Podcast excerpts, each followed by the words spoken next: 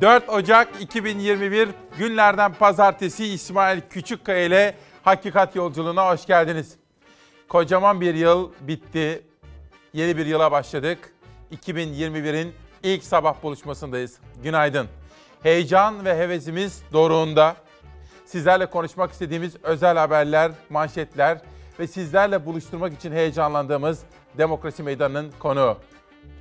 Akışımızı bir parça değiştirdik. Çünkü dün akşam ve gece yarısı itibariyle bazı yeni gündem maddeleri şekillendi. Gazetemizin akışını da değiştirdik, gazeteyi de değiştirdik. Sorumuz şu, sosyal devlet ne yapar? Önce hastalarımıza selam söylüyorum. Sonra cezaevlerinde sevdikleriyle özgür günlerde buluşmayı bekleyenlere selam ediyorum ve haber yolculuğumuza gazetelerimize başlıyorum. Yeni yıl sizlere önce sağlık, esenlik, iç huzuru getirsin. Bizler de demokrasi mücadelemize katkımızı vermeye devam edelim diyorum ve Çalar Saat'e başlıyorum. İsmail Küçükkaya Demokrasi Meydanı başlıyor. İrfan hazır mıyız? Gazeteler gelsin. Sosyal devlet ne yapar efendim? SM hastaları ile ilgili gündem konusunda konuşmamız gereken çok önemli gelişmeler var. Bugün spor gazeteleriyle başlıyorum. Fanatik, Kara Kartal zirveye kondu. Galatasaray'da takılınca Beşiktaş'a lider olma fırsatı doğmuştu ve Sergen Yalçın öğrencileri bu fırsatı tepmediler. Beşiktaş Kayseri Spor karşısında 10. dakikada penaltı kazandı. Mensah penaltıyı kaçırdı. Siyah beyazlar golü bulmak için bastırdı. Ama Kayseri Spor savunması ve kaleci Doğan'ı aşamadılar. Fırat Aydınus 89'da bir kez daha beyaz noktayı gösterdi ve böylece Beşiktaş 3 puanı alacak golü bulmuş oldu. İlerleyen dakikalarda Fotomaç gazetesinden de bu konuda gelişmeler aktaracağım. Ancak Sergen Yalçın dedi ki liderlikle övünecek değiliz. Çünkü liderlik değil asıl olan şampiyonluktur biliyorsunuz. Ve bir sonraki gazete aşılama konusunda Hürriyet gazetesi. Hürriyet gazetesinde bir soru var. Bir aşı olunca ne yapacağız? Bizi ne kadar koruyacak? Veya bana dün gelen sorular vardı. İki ayrı aşı olabiliyor muyuz gibi. Bugün bu sabah buluşmamızda işte aşılama konusundaki gelişmeleri de sizlere aktaracağım efendim. Pencereyle başlıyorum. 60 yaş üzerine Pfizer-BioNTech aşısının yapılması daha doğru diyor gazete. Ege Üniversitesi Çocuk Sağlığı ve Hastalıkları Bilim Dalı Başkanı Profesör Doktor Zafer Kurugöl, 60 yaş üzerindekilere ve kronik hastalığı olanlara Sinovac aşısının değil, çalışması olan Pfizer-BioNTech aşısının yapılmasının daha doğru olacağı kanısındayım dedi.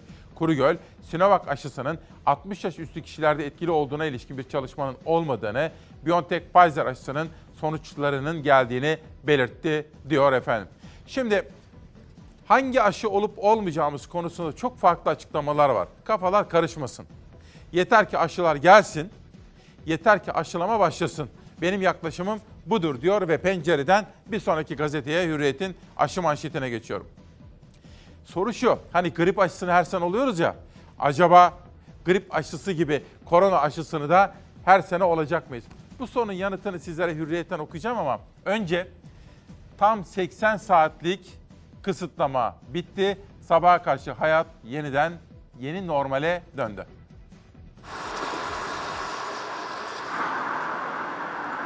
80 saat süren sokağa çıkma kısıtlaması sona erdi. Yasağın bitişiyle sokaklar, caddeler, yollar yavaş yavaş hareketlendi. Hafta sonu için getirilen sokak kısıtlamalarının beşincisi uygulandı bu hafta sonunda. Yılbaşıyla birleştirildi kısıtlama günleri. Sokağa çıkma yasağının süresi uzadı. 80 saat oldu. 31 Aralık Perşembe akşamı saat 21'de başladı kısıtlama. Türkiye evlerine kapandı. Kısıtlama boyunca vatandaşlar evlerine yakın noktalardaki market, bakkal, fırın ve kasaplara yürüyerek gidebildi. Sokaklarda onların oluşturduğu hareketlilik vardı. Ancak araçla seyahat çok az olduğu için sessizlik hakimdi tüm Türkiye'ye hafta sonunda. Yasağa delmeye çalışanlar da oldu 80 saatlik kısıtlamada. Güvenlik güçlerine yakalananlar cezadan kurtulamadı.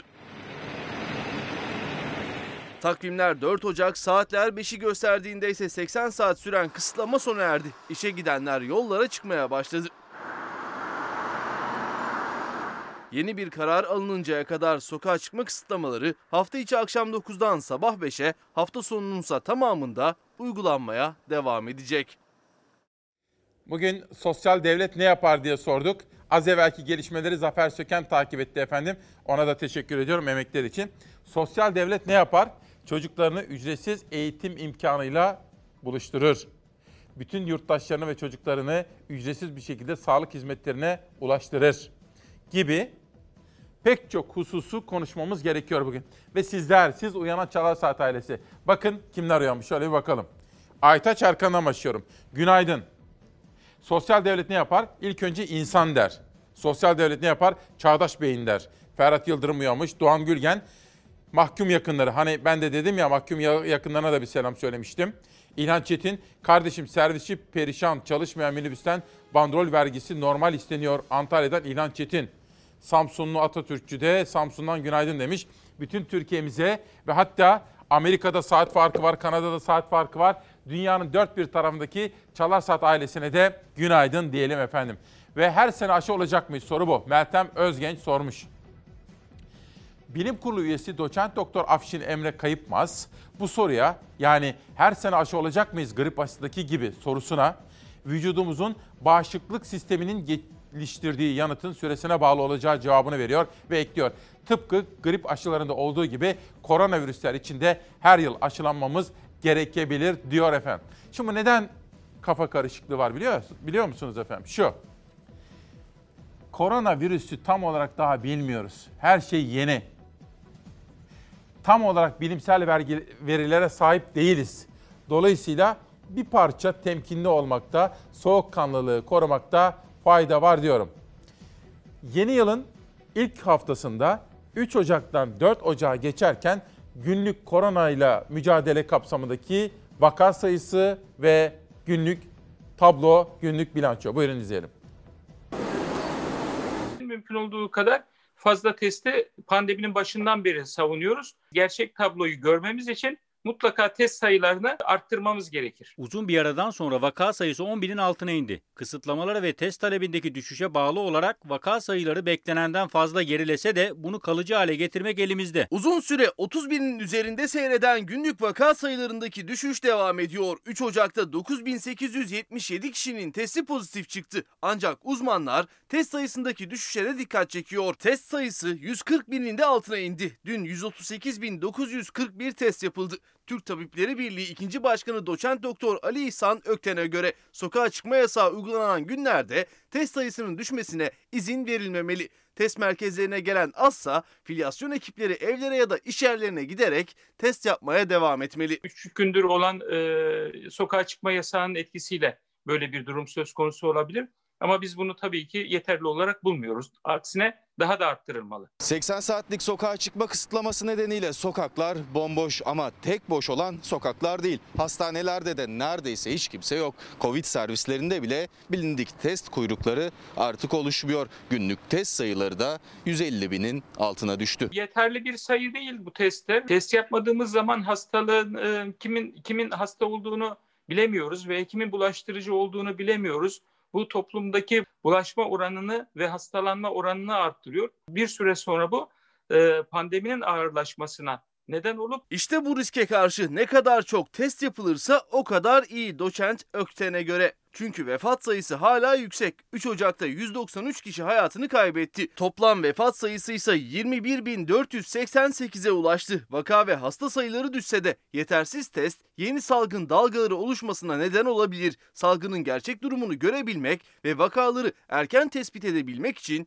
yeni yöntemler kullanmak gerekiyor. Bu süreçte filyasyonu biz daha da arttırırsak e, test sayılarını da arttırmış oluruz. Bu sokağa çıkma günlerinde özellikle gelir seviyesi düşük, kalabalık ailelerde, bir arada yaşayan ailelerde filyasyon ekiplerinin buralara e, yönelmesiyle aslında test sayılarını arttırıp hastalığın da gerçek verilerini de as, e, ortaya çıkarabiliriz. Mutasyona uğrayan ve bulaşıcılığı artan virüsü tespit edebilmek ve durdurabilmek yine testle mümkün olacak. Son 15 gündür e, vaka hasta sayılarında bir e, azalma e, söz konusu. Özellikle e, mutasyona uğramış virüsün bulaşıcılık ve e, yayılma oranı %70 daha hızlı. Bu nedenle yeni bir dalga e, olabilir. Bu dalgayı önlemenin en iyi yollarından birisi de e, testlere mutlaka sayıyı da arttırarak devam etmektir. Tamamdır. Bir de bugünkü etiketimiz sosyal devlet ne yapar? SMA hastası çocuklarımız ve onların aileleri dün başlatılan bir kampanya. Milli Piyango'da hani büyük ikramiye çıktı fakat 3 bilet satılmamış. O 3 bilete tekabül eden 75 milyon lira var. Sosyal medyadaki kampanya o varlık fonuna gitmesin o para ve SMA'lı çocuklarımız için harcansın deniyordu. Bakın Mahfiye İlmez ne diyor? Devlet varlık fonu olsa da olmasa da her durumda SMA hastası çocuklara ilaç sağlamalıdır. Devlet olmak böyle bir şeydir. Devlet şirket değildir. Devletler kar amacı gütmez. Vatandaşını korur, hastasına bakar, toplum yararını gözetir. Bu konuda Sağlık Bakanı Fahrettin Koca'nın yaptığı açıklama var. Elimde Sabah gazetesi. Onu da sizlere okuyacağım. Ama uyanan Çalar Saat ailesine selam veriyorum. Vedat Soma'dan günaydın. Sultan Güney binlerce usta öğretici ne olacak diye sorarken Batuhan Muslu sosyal devlet sosyal hizmet yapar diyor efendim. Böylece sözcüye geçelim. Üniversitelerde AKP'li rektörler dönemi. Bilimsel özellik azaldı. AKP ağırlığı iyice arttı. Profesör Metin Bulu'nun Boğaziçi Üniversitesi'ne atanması gözde rektörlere çevirdi. Şimdi efendim Profesör Doktor Melih Bulu geçtiğimiz süreçlerde AK Parti'den aday adaylı olmuş bir isim. Yani AK Partili bir isim. Ve şimdi Boğaziçi Üniversitesi'nin rektör yapılınca hafta sonunda çok tartışmalar yaşandı. AKP'li 9 eski vekile ilave olarak AKP'den aday olan isimler de üniversitelere atandı. Sözcü gazetesi bugün işte fotoğraflarını da görüyorsunuz. Vural Kavuncu'nun, Nüket Hotar'ın, Necdet Ünüvar'ın, Edibe Sözen'in, Necdet Budak'ın, Masar Bağlı'nın, Cevdet Erdöl, Cem Zorlu ve Ömer Çomaklı'nın isimlerini ve fotoğraflarını kullanmış ve AK Partili bu isimlerin şimdi üniversitelerde yönetici olmaları, rektör olmaları ile ilgili bir manşete imza atmış bu sabah. Hemen altında Boğaziçi'li hocalardan AKP'li rektör Melih Bulu'ya tepki. Kabul etmiyoruz ve vazgeçmiyoruz diyor efendim. Bu da işte bugün konuşmamız gereken temel hususlardan birisi. Sözcüden Sabah gazetesine geçiyorum. Sabah gazetesinde manşeti okuyacağım ama efendim SMA'lı hastalar bugünkü gündem maddemiz bu. Çocuklarımızı kobay olarak kullanamazlar diyor bakan. Şimdi bakanın yaptığı açıklamaları sabah irdeledik. Ekip arkadaşlarımla da konuştuk, danışmanımla da konuştuk detaylı olarak. Ve söylediği doğru şeyler de var, yanlış şeyler de var, eksik bıraktıkları da var. Her birini konuşacağız. Haberi izlerken şunu sizler de düşünün lütfen. Sosyal devlet ne yapar? İşe yaradığı tespit edilen tüm tedaviler SMA Bilim Kurulumuzun önerileriyle uygulanmaktadır. Çocuklarımızın kobay olarak kullanılmasının net olarak karşısındayız. Küresel ilaç şirketlerinin oyununa müsaade etmeyeceğiz. Sağlık Bakanı Fahrettin Koca, SMA hastası bebeklere yurt dışında uygulanan gen tedavisini sert sözlerle eleştirdi. Sosyal medya üzerinden yürütülen kampanyalar için sahte kahramanlık dedi. Hastalıkların tedavisi sosyal medyadan sahte kahramanlık sergileyerek değil, bilimin gösterdiği yolu takip ederek gerçekleştirilir. Spinal müsküler atrofi yani SMA genetik ve ölümcül bir hastalık. Hastalığa sahip çocuklar yürümek, kendi ihtiyaçlarını karşılamak hatta yutkunmaya kadar tüm kas faaliyetlerini zamanla yitiriyor. Amerika Birleşik Devletleri ve bazı Avrupa ülkelerinde uygulanan gen tedavisiyle hastalığın önüne geçilebildiğini söyleyen aileler 2 milyon 400 bin dolarlık tedavi için kampanyalar düzenleyerek ulaşmaya çalışıyor. Sağlık Bakanı yaptığı açıklamada gen tedavisinin işe yarar olduğuna dair yeterli bilimsel kanıt yok dedi. Gen tedavisinin bilimsel olarak işe yaradığını gösteren somut veri yok. İlaç şirketlerinin oyununa gelerek yapılan kampanyalarla bu durum suistimal edilmektedir. İlaç şirketlerinin baskısıyla çocuklarımızın kobay olarak kullanılmasına izin vermeyeceğiz. Türkiye'de SMA hastalığı için çalışan bilim kurulunun durumu yakından takip ettiğini söyledi Sağlık Bakanı.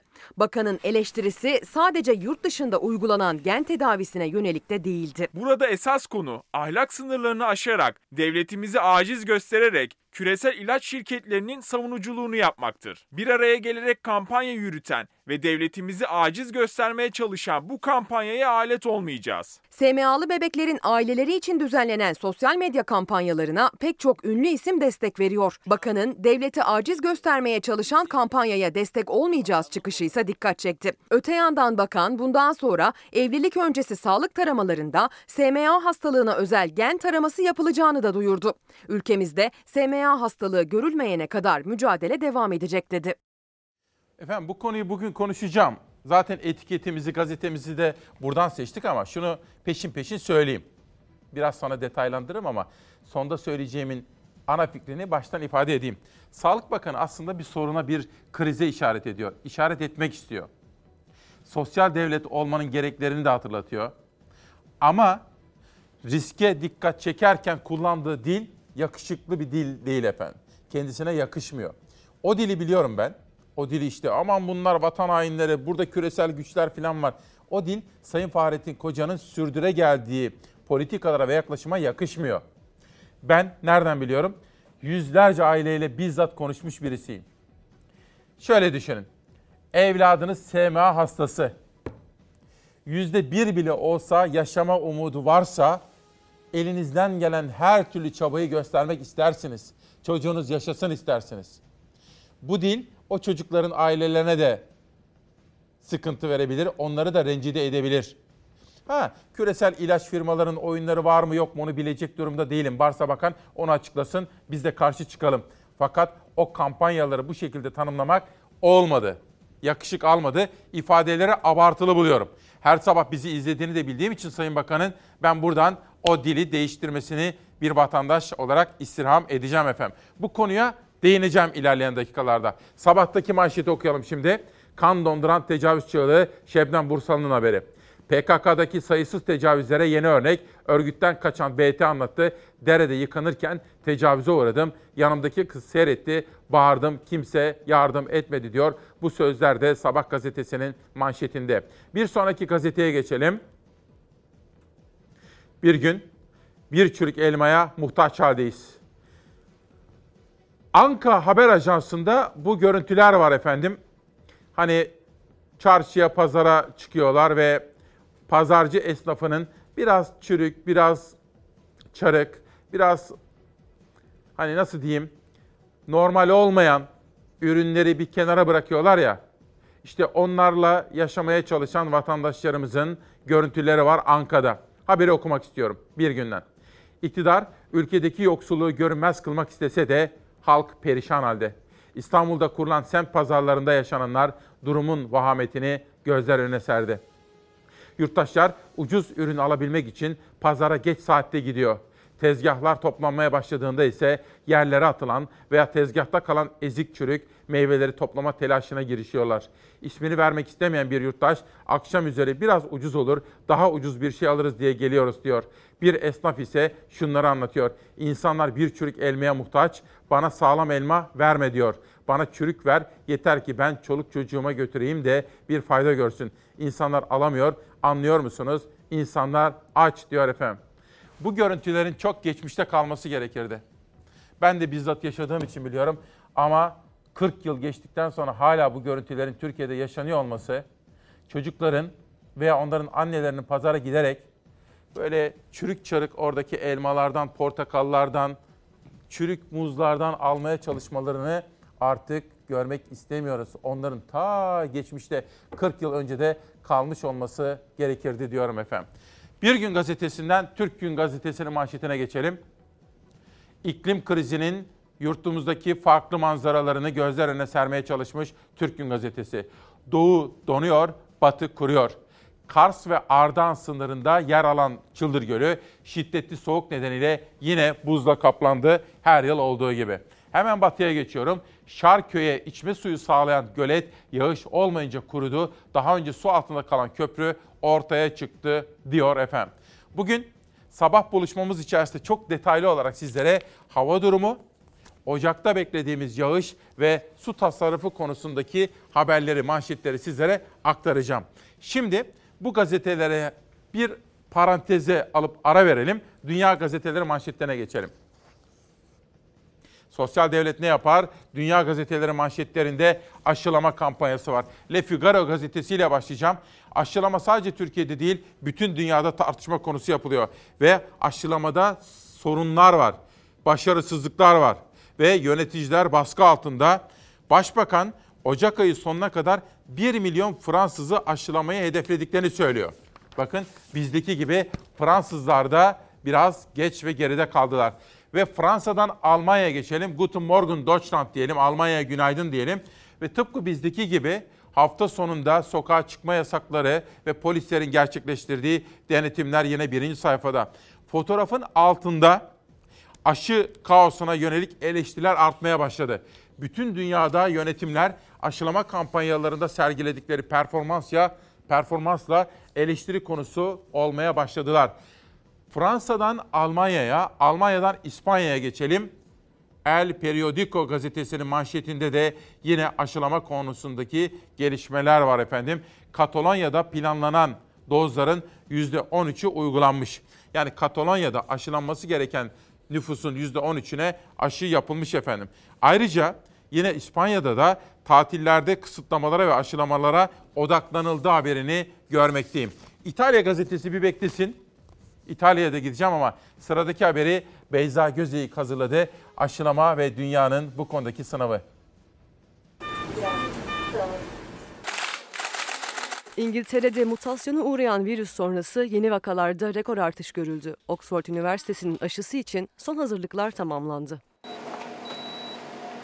Londra'da tespit edilen ve Türkiye dahil 33 ülkeye sıçrayan mutasyonlu virüs dünyanın da gündeminde. İngiltere'de 5 gündür 50 binin üzerinde seyreden vaka sayısı 5. günde zirve yaptı. Son 24 saatte 54.990 kişi daha virüse yakalandı. 454 kişi de yaşamını yitirdi.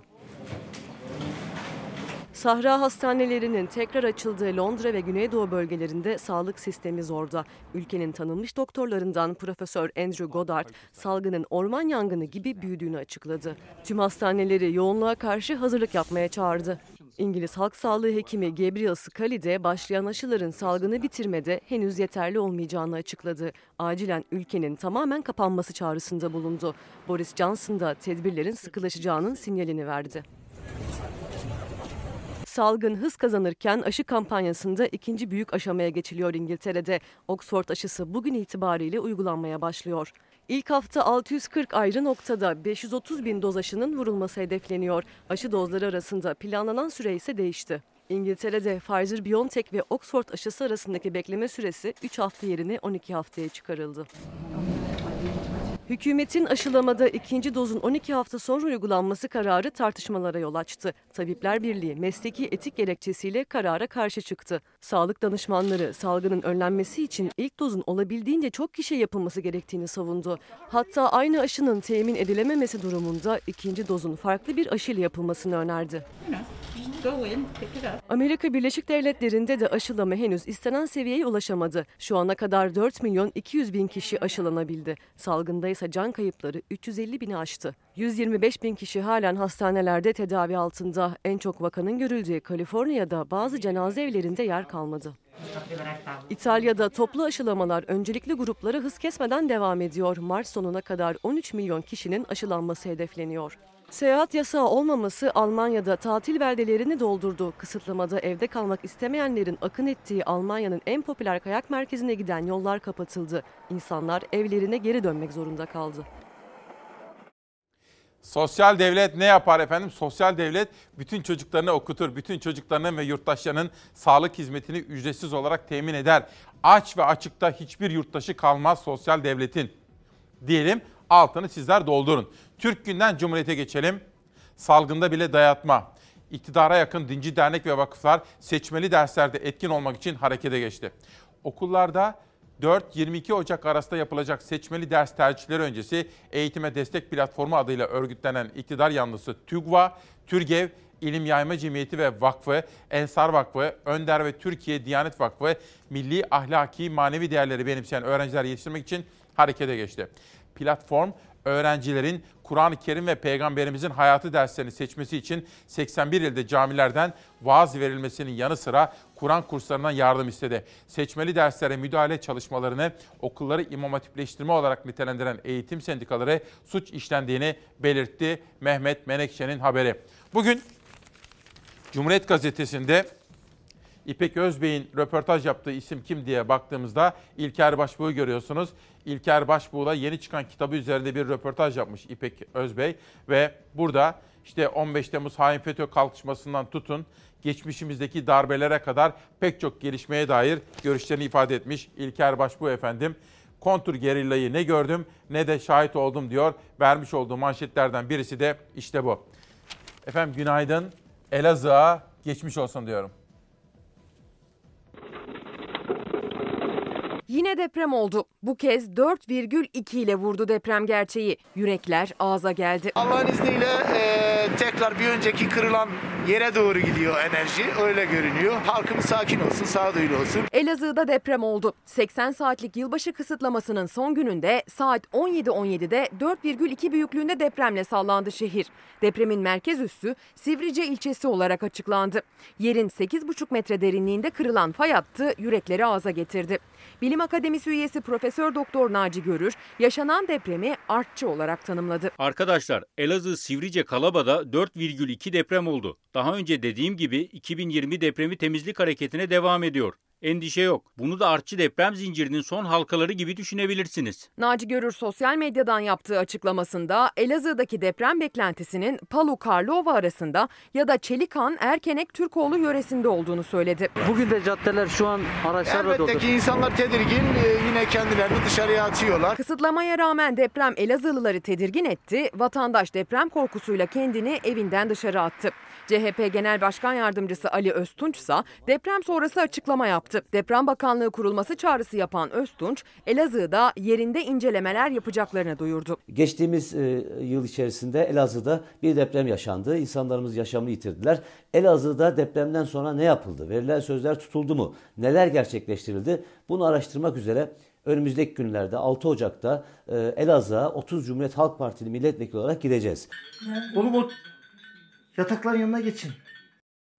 Hep aklıma geliyor İstanbul'da acaba gerekenleri yaptık mı deprem konusunda? Mesela Kanal İstanbul. Hala ısrar ediliyor. Biraz sonra bir konuğum var. Konuğuma da soracağım. Bu kadar kuraklık yaşıyoruz. Bu kadar sorun var. Depreme karşı almamız gereken tedbirler önümüzde dururken biz Kanal İstanbul konusunda ısrar ediyoruz. Bakanlar açıklama yapıyor. Bu sene temel atacağız diyorlar. Konuğuma biraz sonra bunu da soracağım. Ve memlekete sağlık, esenlik, dirlik dileyen arkadaşlar Faruk Ügümü. Faruk Ügümü de kral Faruk Ügümü'ye de teşekkür ediyorum. Memlekete sağlık, dirlik ve esenlik dilemiş. Cumhuriyet'ten bir yerel gazete damga. İstanbul'da su alarmı bakın. Sonbahar ve kış aylarının yağışsız geçmesi nedeniyle İstanbul barajlarındaki doluluk oranı kritik seviye olan %20'nin de altına indi. Gazete Damga bu konudaki haberleri araştırmış ve okurlarına aktarmış. Biz de bu sabah sizlere detaylı olarak aktarma imkanı bulacağım. Bir hava durumu haberi var. Sonra kadınlara dair çok sevindirici iki gelişmenin haberini sizlere anlatacağım.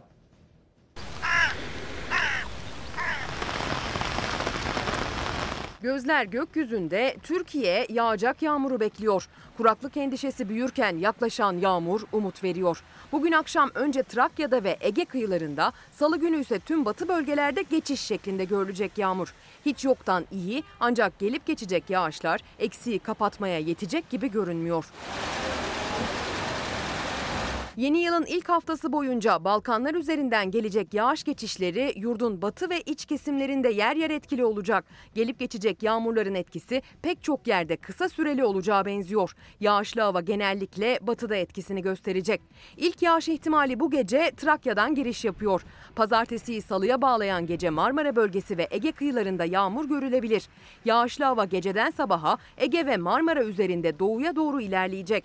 Yağış geçişinin etkisi çok uzun olmayacak. Ege kıyılarında ve Trakya'da yer yer kısa süreli kuvvetli sağanak da etkili olabilir. Salı günü öğle saatlerinden sonra yağışlar büyük ölçüde zayıflıyor. İstanbul bu gece ve salı sabah yağışlı.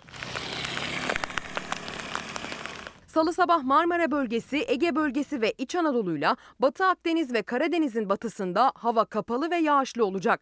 Yağışlar yerel ve kısa süreli geçişler şeklinde görülecek. Ege bölgesinin kıyısıyla Marmara'da salı öğleden sonraya yağış ihtimali oldukça zayıflıyor. İç Ege ve İç Anadolu'yla Batı Akdeniz'de ise yağış gün içinde aralıklarla devam edebilir. Çarşamba günü yağış ihtimali oldukça zayıf. Bugünden bakıldığında Perşembe gecesi için Marmara'da yağış görülüyor.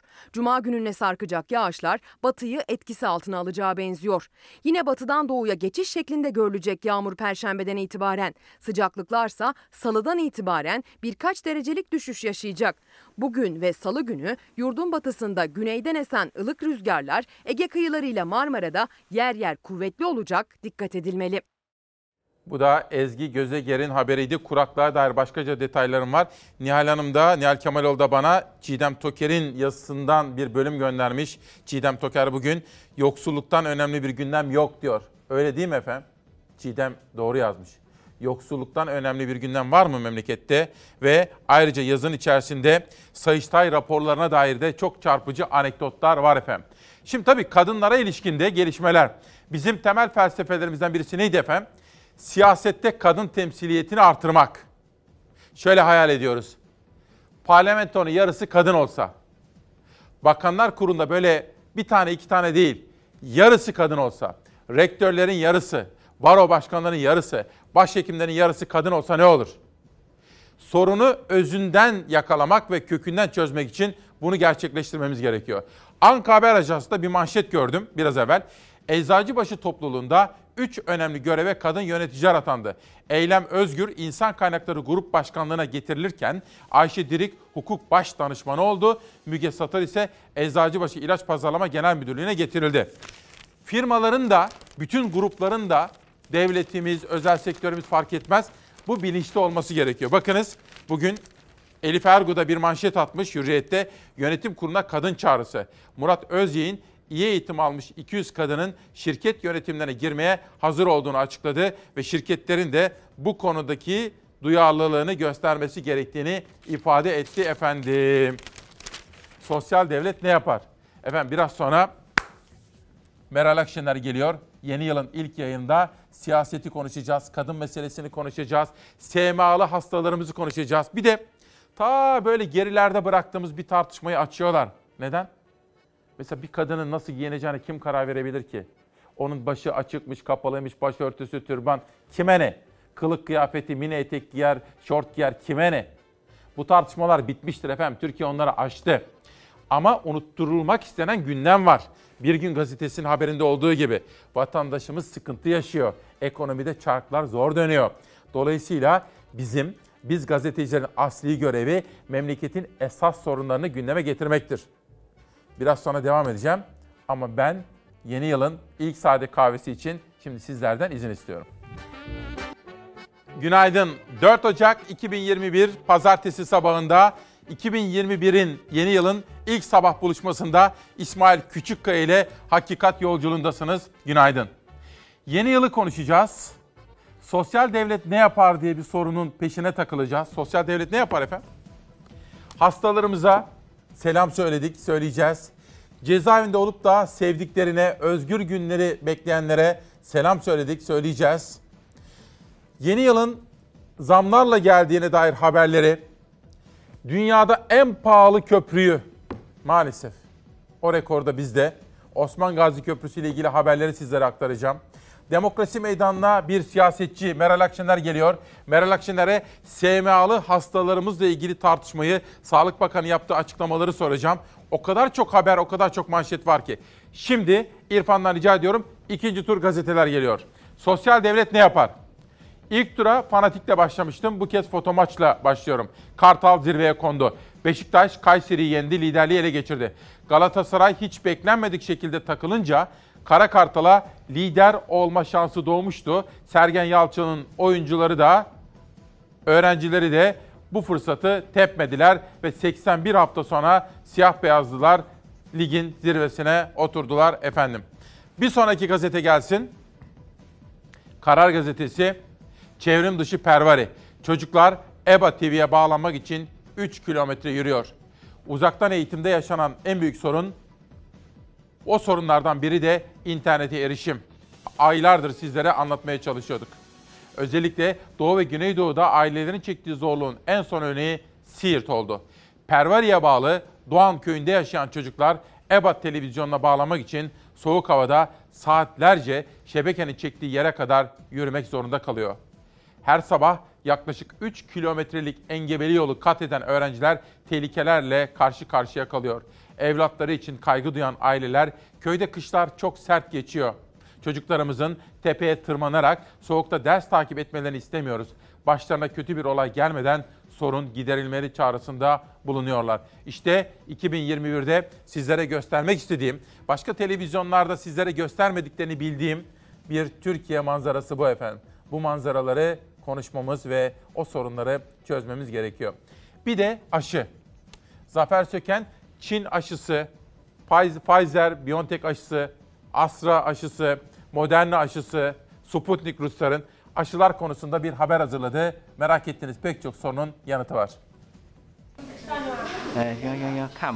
Çin yönetimi iki aşıya acil kullanım onayı verdi. Türkiye'nin de satın aldığı Sinovac aşısıyla yine Çin'de üretilen Sinopharm şirketinin geliştirdiği aşıları uygulamaya başladı.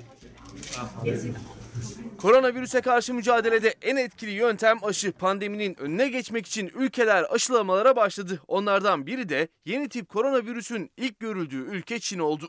Çin yönetimi başkent Pekin'de hafta sonunda 220 aşılama merkezi oluşturdu. Aşılamaya enfeksiyon riski yüksek meslek gruplarından başladı. O grupları yaşı 18 ile 59 arasında olan toplum çalışanları, deniz aşırı öğrenciler, işçiler ve liman işçileri gibi çalışanlar oluşturdu. Çin aşılama için inaktif aşı adı verilen virüsün zayıflatılarak etkisizleştirilmesiyle elde edilen aşıları tercih etti. İki farklı firmanın aşısı uygulandı kitlesel aşılamada. Uygulanan aşılardan biri Sinopharm'ın geliştirdiği aşı oldu. Diğeri ise Türkiye'nin Çin'den satın aldığı ilk etapta 3 milyon dozu Ankara'ya gelen Sinovac aşısı. Çin yönetimi Pekin'de bu hafta sonunda 73.537 kişiye ilk doz aşının uygulandığını açıkladı. Şimdi burada bir tartışma var. Melike Yatmaz'la Temel Bey arasında ama ne olduğunu daha sonra anlayayım. Herhalde işin içinde medya, siyaset, medya neleri görüyor?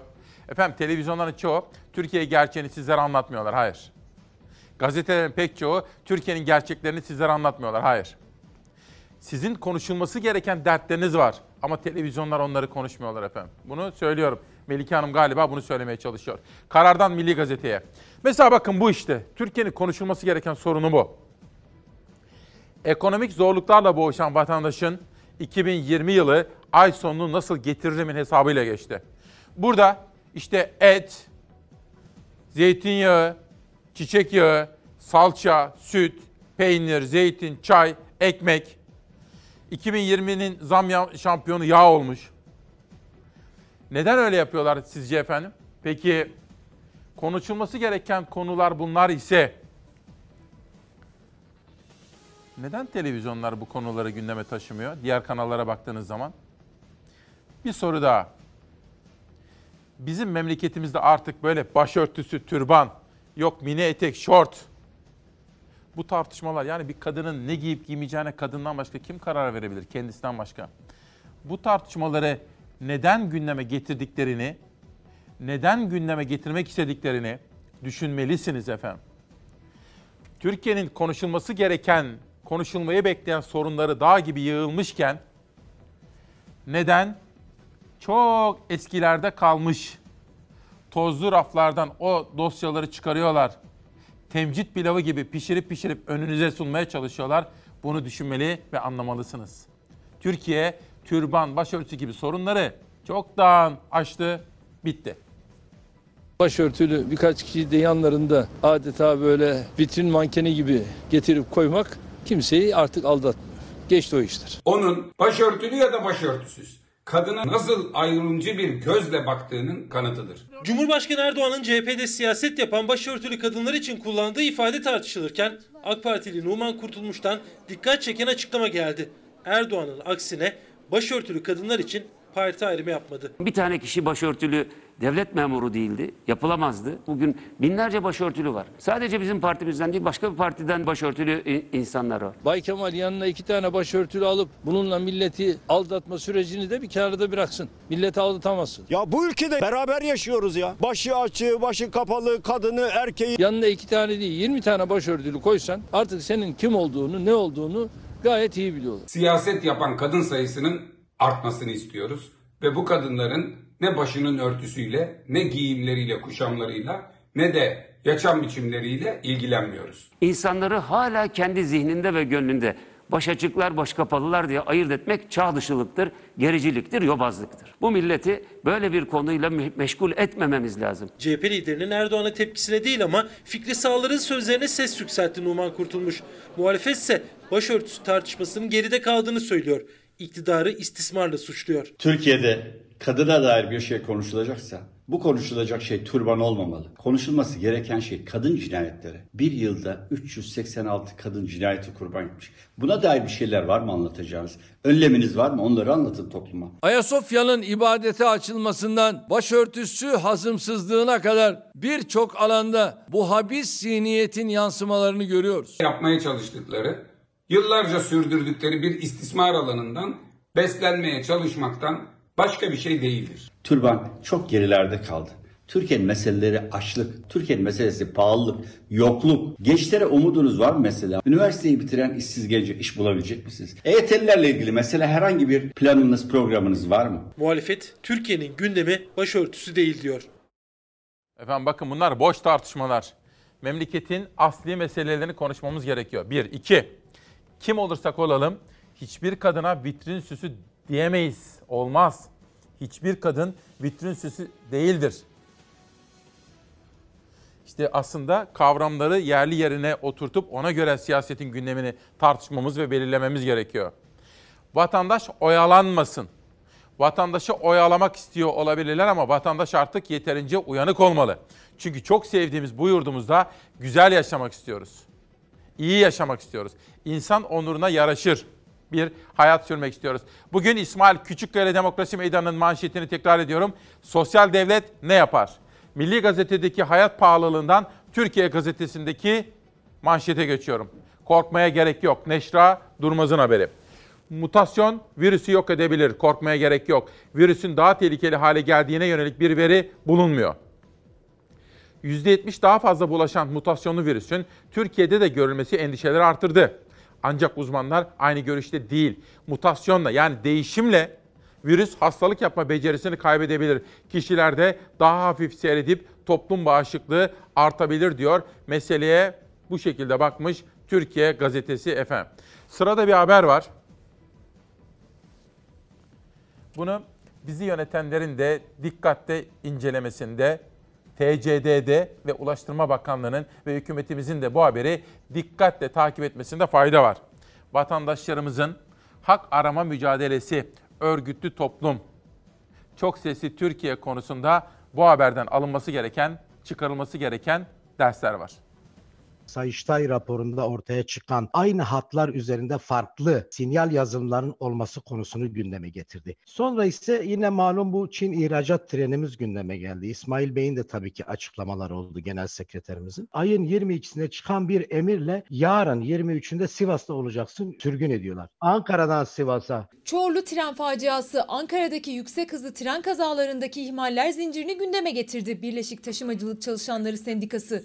En son İstanbul Kazlı Çeşme'den törenle Çin'e diye yola çıkan ama Maltepe'ye dönen ihracat treninin de sendika duyurmuştu kamuoyuna. İşte o haberden sonra sendikanın iddiasına göre Genel Sekreterleri İsmail Özdemir Ankara'dan Sivas'a sürgün edildi. Bir aile reisi çoluğundan, çocuğundan, eşinden, evinden ayrılıyor ve düzenini bozuyorsunuz. Genel Hukuk Sekreterimiz Aziz Mustafa Şimşek arkadaşımız hala depo cezasıyla cezalandırılıyor. Bu psikolojik bir baskıdır. Sendikanın hukuk sekreteri aynı zamanda makinist olan Aziz Mustafa Şimşek ise iddiaya göre tren kullanmıyor artık. Depoda görevlendirildi. Merkez Kadın Sekreteri Begüm Özyönüm işinden olabilir. 18 arkadaşımız sürgün edilmişti. Bir tweet etkinliği düzenledik. Tepkimizi gündeme getirdik. İşle alakasız medya paylaşımlarımızı işveren takip ediyor. Bu arkadaşımıza kademe ilerlemesi cezası verildi. Kademe ilerleme cezası bir memura verilebilecek en ağır cezalardan biri. İlkinde bulunduğu kademede yükselmesi 1-3 yıl arasında durduruluyor. İki defa kademe ilerlemesi cezası alan bir memur işinden atılır. Şimdi bu Çin ihracat treniyle ilgili bir daha kademe ilerlemesi verilmeye çalışılıyor. İşten atmak için bir yöntem izliyorlar. Birleşik Taşımacılık Çalışanları Sendikası'nın yöneticileri demir yollarındaki eksiklikleri gündeme taşıdıkça üzerlerindeki baskının da arttığını iddia ediyorlar. Siciller bozuluyor. Afaki soruşturmalar varmış gibi korku salınıyor arkadaşlarımız tedirgin ediliyor. Devlet demir yollarında neler oluyor sorusu gündemdeyken Cumhurbaşkanı Karayolları Genel Müdürlüğü Yardımcılığından 2019 Eylül'de TCDD Taşımacılık AŞ Genel Müdürü ve Yönetim Kurulu Başkanı koltuğuna oturan Kamuran Yazıcı'yı bir buçuk yıl sonra görevden aldı. Yerine demir yolu deneyimi olan bir isim Hasan Pezük getirildi. Yeni genel müdürümüzden ricamız Sivas'ta sürgün olan genel sekreterimiz hemen e, Ankara'ya getirilsin. Genel hukuk sekreterimizin depo cezası son bulsun. Genel Merkez Kadın Sekreteri Begüm Hanım'ın e, işinden e, atılması süreci durdurulsun. Örgütlü toplum ve çok sesli Türkiye. Ülkemize yakışan budur diyorum.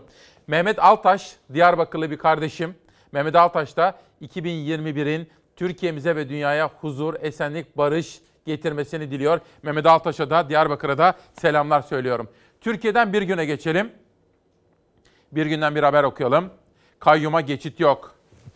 Boğaziçi Üniversitesi Rektörlüğü'ne geçmişte AKP'den milletvekili aday aday olan Melik Bulu, Melih Bulu'nun getirilmesine tepkiler çığ gibi. Akademisyenler, öğrenciler ve sendikalar kararı protesto etti. Bugün üniversitedeki eylemin öncesinde açıklama yapan öğretim üyeleri 1980'lerin askeri rejiminden sonra ilk kez üniversitemize kurum dışından bir rektör atandı, kabul etmiyoruz dedi. Öğrenciler kayyum rektöre geçit vermeyeceklerini vurgularken atamayı değerlendiren Boğaziçi Üniversitesi emekli öğretim üyesi Rıfat Okçabol, ODTÜ'yü bitirdiler, sıra Boğaziçi'ne geldi diye konuştu. Bulu ise yaptığı açıklamada Erdoğan'a teşekkür etti. Hepimiz aynı gemideyiz dedi. Bugün Sözcü gazetesinde miydi? Hangi gazetedeydi acaba? Heh. AK Partili olup da üniversite yönetimine rektör olarak gelen isimlerle ilgili bir haber var efendim. Bakın Sözcü'de üniversitelerde AKP'li rektörler dönemi. Vural Kavuncu, Nüket Hotar, Necdet Ünüvar, Edibe Sözen, Necdet Budak, Masar Bağlı, Cevdet Erdöl, Cem Zorlu, Ömer Çomaklı. AK Partili bu isimler ve şimdi üniversitelerin rektörleri.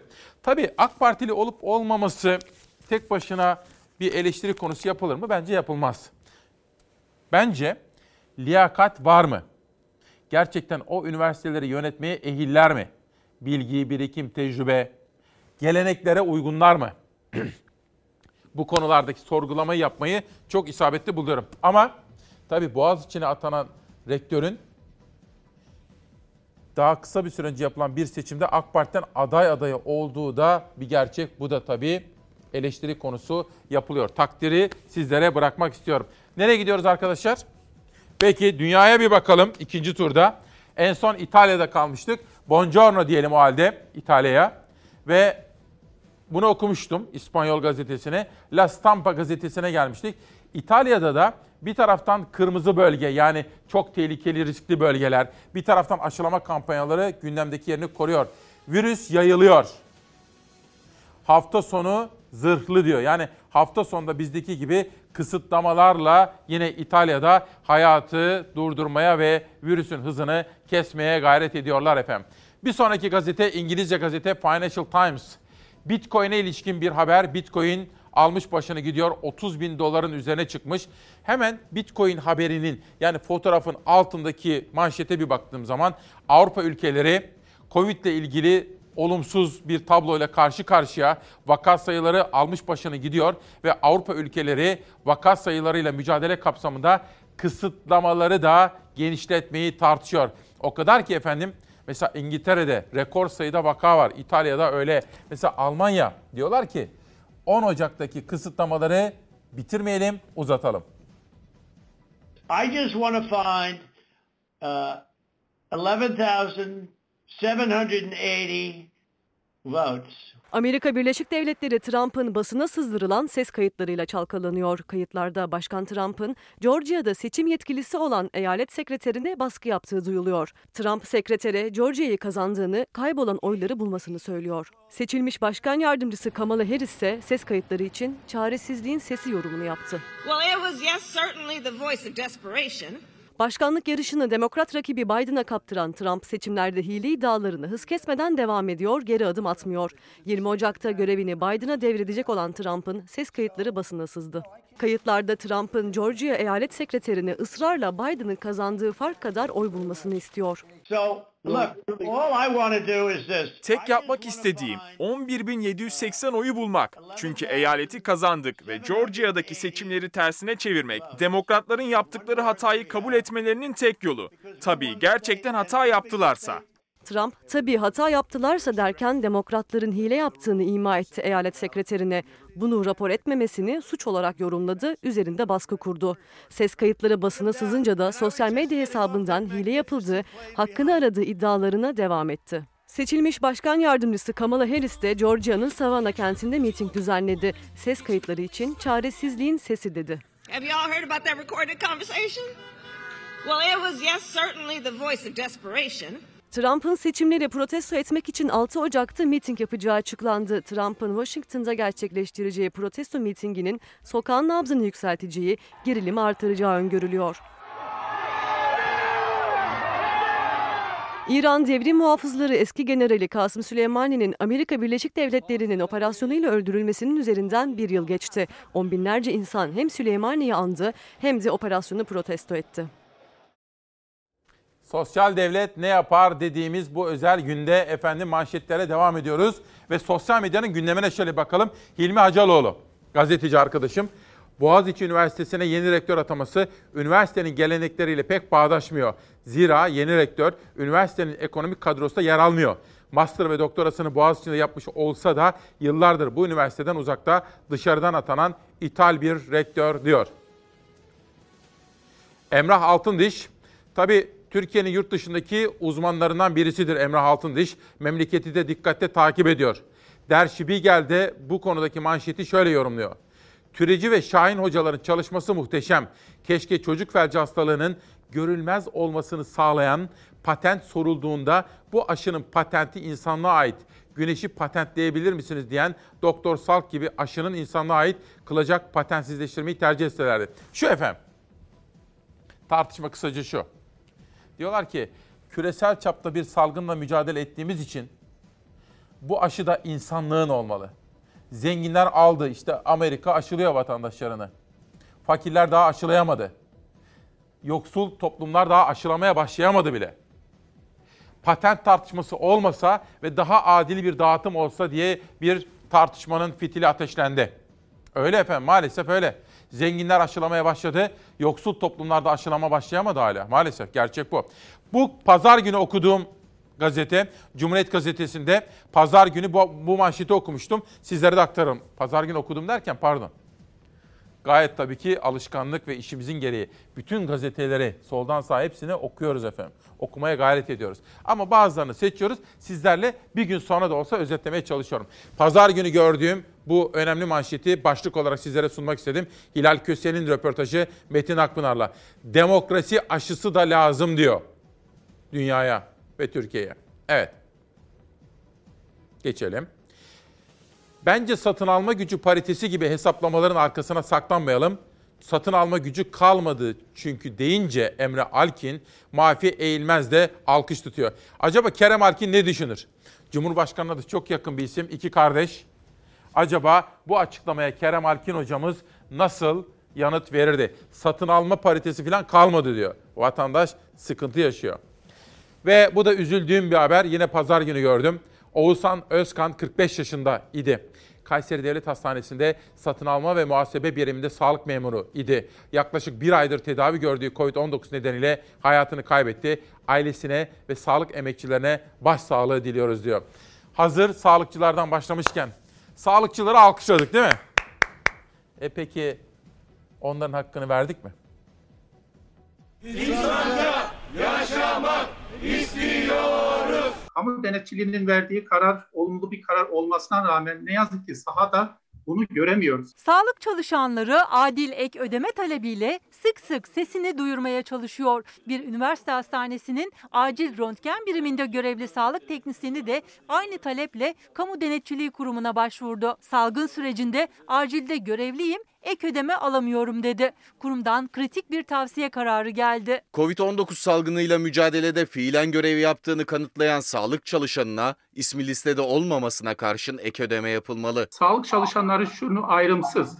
E, bütün ekip içerisindeki hasta bakıcısından güvenlik görevlisine, hemşiresine, e, memuruna, e, kayıt elemanına kadar hep her sağlık çalışanına yansıyacak somut adımların atıldığı, onların ay sonunda gidip de maaşlarını alabilecekleri net ücret görmek istiyoruz. Yani sürekli kamuoyuna deklare edilerek bunu vereceğiz, şu olacak, bu olacak değil de biz somut adımların atılmasını artık istiyoruz. Sağlıkçılar somut adım beklerken Kamu Denetçiliği Kurumu'nun ek ödeme önerisinde emeğin karşılıksız bırakılmamasına ilişkin anayasa maddesi hatırlatıldı. Yine benzer bir talep de CHP Nevşehir Milletvekili Faruk Sarıaslan'dan geldi. Koronavirüse yakalanan Sarıaslan hastanede sağlıkçıları dinledi, yıpranma payları için Sağlık Bakanı'na soru önergesi verdi. Yıpranma payı ayırt edilmeksizin tüm çalışanlara eşit şekilde verilmesi gerekir diye uzun uzun bakana bir soru önergesi vermiştim. İşte o önergeye 6 ayın sonunda yanıt geldi. Sağlıkçılar için yıpranma payı revizyonu sinyali verdi Bakan Fahrettin Koca. Önümüzdeki süreçte bu konunun hükümetimiz tarafından yeniden gözden geçirilerek ihtiyaç duyulan alanlarda istihdam edilen sağlık çalışanlarının fiili hizmet zamlarına ilişkin olarak iyileştirmelerin yapılabileceği düşünülmektedir. Örneğin bir yoğun bakım hemşiresi gün içerisinde o ekipmanla fiziki olarak yıprandığı gibi aynı zamanda gün içerisinde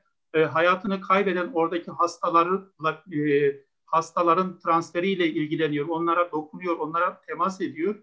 Ruhsal olarak da aynı zamanda çöküntüye uğruyor. Hepimizin bir tükenmişlik sendromu yaşıyoruz. Hepimiz fiziki olarak birçok hastalığa maruz kalıyoruz. Bir yıllık çalışmaya 60 gün yıpranma hakkı tanınıyor. Bakan artırabileceğinin sinyalini verdi. Sağlık Emekçileri Sendikası'na göre 5 yıla 1 yıl olmalı yıpranma hakkı ve tüm sağlık çalışanlarına uygulanmalı. Sağlık çalışanlarının talebi daha önce Cumhurbaşkanımızın söylediği gibi 5 yıla 1 yıl olacak şekilde yıpranma hakkının çıkarılması ve hayata geçirilmesi. Sayın Bakan'ın vermiş olduğu sözün mecliste takipçisi olacağım. Sağlık çalışanlarına verilen sözlerin takipçisi olmamız gerekiyor. Bir annemiz hani dedik ya insanın acısını insan alır. Döndü annem, döndü Erkan. Bir evladını kaybetti. 43 yaşındaydı oğlu. Göker Aygün. Doğum günden bir gün sonra kaybetti kalp krizinden. Döndü annem. Ona sabır diliyorum şimdi. Ve onunla birlikte ailesine sabır diliyorum. Torunlarıyla ilgilenecek tabii. Ona güç ve sabır diliyorum efendim. Döndü anneme. Efnan Ezenel, Bir Gece Yarısı Papatyası bugün bize gelen bu kitaplar biliyorsunuz Çalarsat ailesi tarafından yazılıyor. İçinde de notlar bırakılıyor. Teşekkür ediyorum kendilerine. İçimizdeki ıssız mahşer Nimetullah Ökçetekin de yine imzalamış ve bize göndermiş. Kendilerine de çok teşekkür ediyorum. Yerel gazetelere bakalım. Sonra İyi Parti lideri Sayın Meral Akşener demokrasi meydana çıkacak. İlk soruyu söylüyorum hemen. Gündem SMA hastaları olduğu için Meral Hanım'a da SMA hastalarını soracağım. Peşin peşin söyleyeyim. Esin gazetesi Hatay İskenderun. Esnafımız zor durumda. CHP Hatay Milletvekili İsmet Tokdemir'in sözleri esnafın durumunu gözler önüne seriyor. Ve Akdeniz'den Trakya'ya geçiyorum. Edirne gazetesi MHP'den isyan. Esnaf batma noktasında. MHP'nin Edirne İl Başkanı Zakir Tercan'dan dikkat çeken bir açıklama. Vakıf kiralarının çok yüksek olduğunu, esnafın vergisini ve SSK primlerini ödeyemediğini ifade eden Başkan Tercan, bir dokun bin ah işit. Şu an esnaf batma noktasında devlet yardım eli uzatmalı diye konuştu efendim. Bir de çocuklarımız, KYK borçlusu çocuklar diyorlar ki, devletimiz kimlerin ne borçlarını siliyor? Devletimiz kimlerin hangi borçlarını sildi? İsim isim veriyor o büyük müteahhitlerin. O beş müteahhitin vergi borçlarının silinmesiyle ilgili mesajlar atıyorlar. Öğrenciler diyorlar ki işsizlik var, pandemi var. KYK borçları da silinsin diyorlar.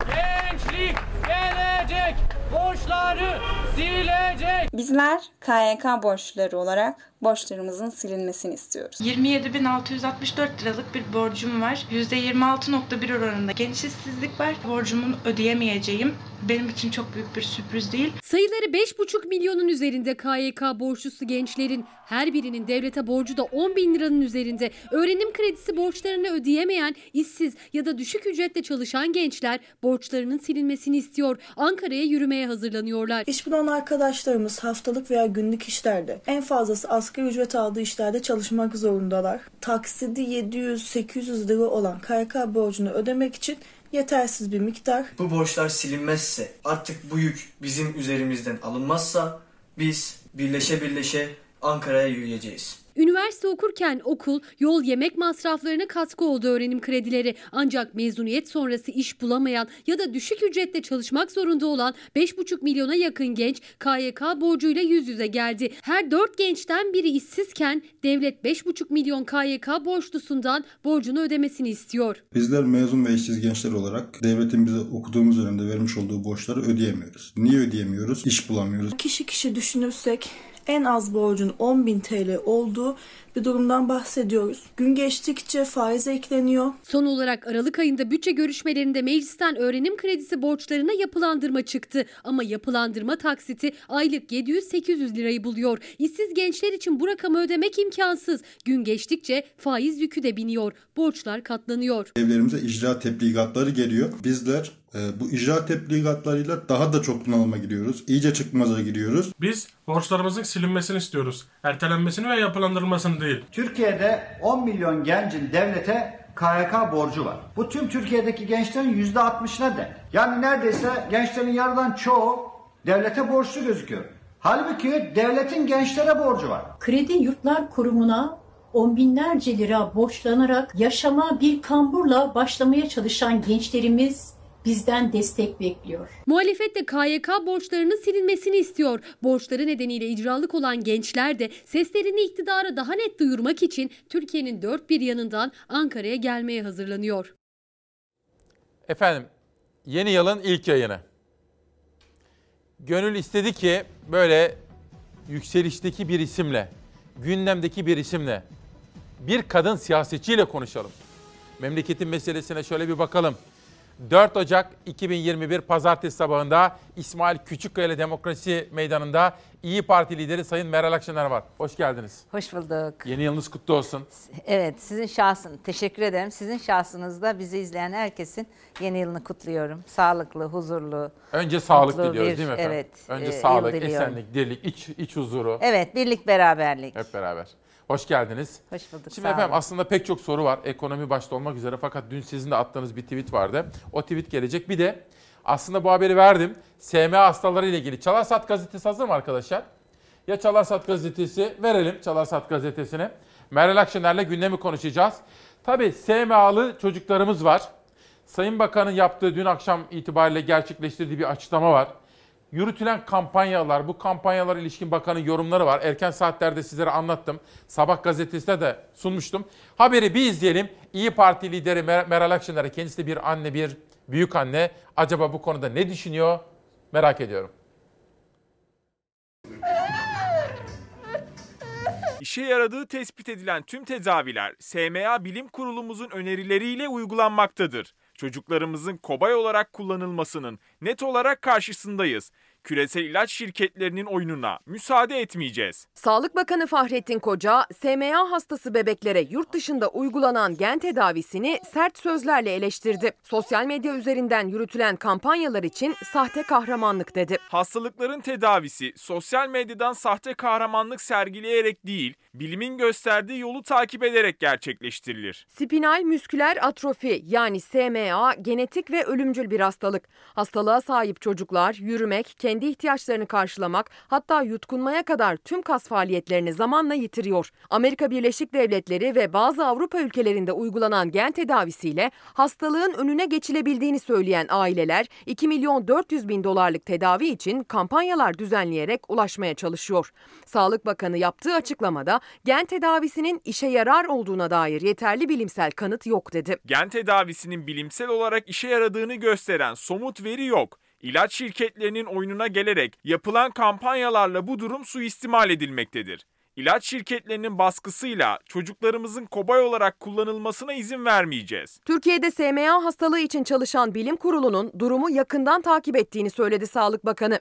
Bakanın eleştirisi sadece yurt dışında uygulanan gen tedavisine yönelik de değildi. Burada esas konu ahlak sınırlarını aşarak, devletimizi aciz göstererek küresel ilaç şirketlerinin savunuculuğunu yapmaktır. Bir araya gelerek kampanya yürüten ve devletimizi aciz göstermeye çalışan bu kampanyaya alet olmayacağız. SMA'lı bebeklerin aileleri için düzenlenen sosyal medya kampanyalarına pek çok ünlü isim destek veriyor. Bakanın devleti aciz göstermeye çalışan kampanyaya destek olmayacağız çıkışı ise dikkat çekti. Dikkat çeken bir diğer gelişme ise sosyal medyadaki varlık fonu tepkisi oldu. Yılbaşı çekilişinde ikramiye kazanan 4 biletten 3'ünün satılmadığı, biletlere tekabül eden 75 milyon liralık ikramiyenin varlık fonuna devredileceği açıklandı. Sosyal medyada varlık fonuna devredilmesin, SMA'lı çocuklar için kullanılsın yönünde yüzlerce öneri tweet'i atıldı. Ünlü komedyen Cem Yılmaz da İBB Başkanı Ekrem İmamoğlu'nun paylaşımı üzerinden öneriyi destekledi. Bundan güzel bir öneri olamaz, gelin yapın bu iyiliği dedi. Aldığı tepkiler üzerine ise yine sosyal medyadan isyan etti. Tamam yine siz haklısınız. Bildiğiniz gibi yapın sevgili kardeşim. Ben belediyeden 2754 lira aldım o yüzden tweet attım. Meğer büyük bir oyun varmış yalan söylüyorlarmış. Sağ olun bir daha yapmam. Cem Yılmaz'ın paylaşımına İmamoğlu cevap verdi. Cem Yılmaz belediyemizden 2754 lira da almamıştır. Çünkü bizde asgari ücret 3100 liradır. Büyük oyunu bozduk sanırım. Öte yandan bakan bundan sonra evlilik öncesi sağlık taramalarında SMA hastalığına özel gen taraması yapılacağını da duyurdu. Ülkemizde SMA hastalığı görülmeyene kadar mücadele devam edecek dedi. İyi Parti lideri Sayın Akşener'e soralım. Ne diyorsunuz efendim bu konuya? Şimdi önce bu çok e, ailelerin içini acıtan bir e, söylem ve e, bir doktor olan, tıp doktoru olan Sayın Bakan'a hiç yakışmamıştır. Yani Sağlık Bakanlığı'nı bir kenara koyduk ama tıp doktoru. Gelsin de bunları ailesilere anlatsın. Çocukları ölümün eşiğinde bir imkan var ve o imkanı yani dışarıya gönderilse 2,5 milyon e, Dolar. dolar e, civarında bir para. Türkiye'ye getirildiği zaman yapılan anlaşmalara göre e, 750 bin dolarlık bir rakama halloluyor ve orada bir ilaç devlet tarafından kabul görmüş, bir ikinci ilaç kabul görmemiş. Bütün kavga, bütün dikkat bu ikinci ilacın da Türkiye'de e, devlet tarafından onaylanması üzerine. Ama kampanyalar yapılıyor. O kampanyalarda de siz destek oluyorsunuz, biz destek oluyoruz, insanlar destek oluyor. O ilacın getirilmesiyle ilgili o parayı ödemeye yönelik hiçbir problem olmuyor. Mahkemelere gidiliyor. Şimdi ben yakın bir zamanda bu sema hastası çocukların aileleriyle Zoom üzerinden bir toplantı yaptım. Yanıyor içleri. Evlat ya. Yani ne dua edilir? Allah evlat acısı göstermesin diye dua edilir. Şimdi çıkıp da 79 milyonu oraya verin. Bu insanlar yani çok miktarda da şey yok. Çok fazla çocuğumuz yok bu manada. Çok binde bir görülen bir hastalık olduğu için. Bu çocuklarımızın ilaçları gelsin denilmiş ve yani bir e, şey dolusu gazetenin ön sayfasını dolduracak laf edilmiş. Yani diyor ki Sayın Bakan para istemeyin benden buz gibi soğurum sizden. Ama günü geldiğinde bunun cevabını da bu millet verir. Şöyle sorsam Günahtır efendim. yani. Günahtır. Bugün, bugün etiket yaptık. Sosyal devlet ne yapar? Şimdi siz deneyimli bir siyaset Evet. insanısınız, devlet adamısınız, bakanlık yaptınız, bir partinin liderisiniz, ülkeyi yönetmeye talip bir Evet. insansınız. Sosyal devlet ne yapar efendim? Sosyal devlet açını doyurur, çıplağını giydirir, zorundadır ve e, iyi kazanından alır, e, hiç kazandıramadığına, iş veremediğine, aç bıraktığına, aç bırakmıştır devlet. Aç bıraktığına, çıplak bıraktığına da onu devlet olarak yapar. Görevini yerine getirir. Dün bir- Vardan alır, yoka verir. Dün bir sosyal medya paylaşımı yaptınız. Evet. Dün sosyal medyanın en çok konuşulan konusuydu. Biz programımızda ona da bakıyoruz. Şimdi yönetmenimden rica etsem Meral Akşener'in onun dışında binlerce insan ama siyasilerin de yaptığı. Şimdi bakın Milli Piyango'dan Varlık Fonu'na aktarılan 75 milyon lira SMA hastası çocuklar için kullanılsın. Efendim hepiniz biliyorsunuz ama Milli Piyango'da büyük ikramiye çıkan 3 çeyrek bile satılmamış. Şimdi Meral Hanım da işte Kemal Kılıçdaroğlu, Ali Babacan, Ahmet Davutoğlu da açıklamalar yapıyorlar. Diyorlar ki o para Varlık Fonu'na gitmesin, SMA'lı çocuklarımız için harcansın diyor. Doktor Fahrettin Koca ise Sağlık Bakanı ilaç şirketlerinin baskısıyla çocuklarımızın kobay olarak kullanılmasına izin vermeyeceğiz. Ülkemizde SMA hastalığı görülmeyene, mevcut tüm hastalığımız tedavi edilene kadar mücadelemiz devam edecektir Şimdi diyor. buradaki soru şu nasıl yani? Tumturaklı tumturaklı konuşulmuş. Da nasıl yani? Kardeşim bu mücadeleyi tek bir SMA hastası çocuk olmaması için nasıl bu mücadeleyi nasıl vereceksiniz? Şu anda var olanların tedavisiyle ilgili ne yapıyorsunuz? Asıl mesele bu. Çoğu aile bunu yani Türkiye'de hiçbir aile bunu karşılayabilecek pozisyonda değil. Sonuçta sosyal medyada insanlar bir şeyler yapıyor. Bir e, kampanya yapıyor ve e, imkanı olanlar da katılıyor. Şimdi ben sabah ekip müthiş bir arkadaşlarımla da tartıştım efendim. Tabii Sağlık Bakanı açıklamalarını satır satır tekrar tekrar okuduk. İşte devletimiz diyor elinden geleni yapıyor diyor. Gen tedavisi bu 2,5 milyon dolarlık gen tedavisi ki kanıtlanmış, ispatlanmış değil ama şunu da biliyorum ben. Bir aile çocuğu Binde bir, milyonda bir ihtimal, de olsa. varsa o annelere, o babalara bunu nasıl anlatırsınız ya? Happy Top'u 75 milyon TL. Yani Ne söylenen. kadar- ne kadar Şimdi varlık olsun. fonuna, varlık fonuna gire- gidecek. Ondan sonra Hatta'ya da gidecek. Kimse de o varlık fonuna giren bu 75 milyon nereye gitti bilmez. Sonuçta işte sayısı da sınırlı çocuklarımızın. Çok, evet. Yani devletimiz güçlüdür. Bunu Evet. yapabilir Ya, aslında. elbette nelere para veriyoruz biz. Tabii. Nerelere para gömülüyor. Peki efendim bir de şimdi sizi bulmuşken. Şimdi 9 milyar TL 5 müteahhitin birinin vergisi silindi ya. 9 Milyar TL. o beşli büyük müteahhitlerden birinin. Evet. Evet. Yani İşte bakın şimdi faizler mes- siliniyor. Şimdi mesela Osman. Gazi Köprüsü'nü biraz sonra size soracağım. Evet. Ee, dün Sözcü'de de bir haber vardı. Yapılan zamla dünyanın en pahalı köprülerinden Evet. birisi olmuş efendim. Biraz sonra soracağım. %25 zam yapıldı. Evet. 2020 zordu Sayın Akşener. 2021'den ne bekliyorsunuz efendim? Öyle bir başlayabilir miyim? 2021'den herkes için, hiç ayırt etmeden herkes için sağlık bekliyorum, huzur bekliyorum, mutluluk bekliyorum ve en önemlisi umutlu bir yıl. İnsanın umudunun yeşerdiği, kaybolmadığı bir yıl ve aç açık kimsenin aç açık kalmadığı bir yıl. Birliğin, beraberliğin, barışın, huzurun yer aldığı bir yıl bekliyorum ve bunun için de dua ediyorum. Peki. Şimdi editörüm diyor ki Zeray Kınacı size bakınca verebiliriz diyor. Şimdi ben arkadaşlarımla dün çalışırken danışmanımla çalıştık Nihal Kemaloğlu'ya sonra editörümle konuştuk. Küçük küçük videolar var.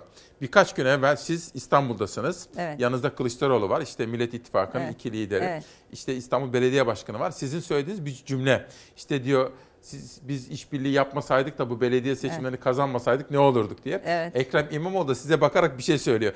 O zaman verelim Zeray izleyelim.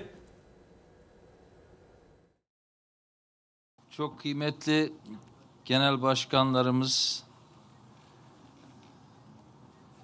sizlerle bir arada olmanın keyfini, gururunu ve umudunu yaşıyoruz.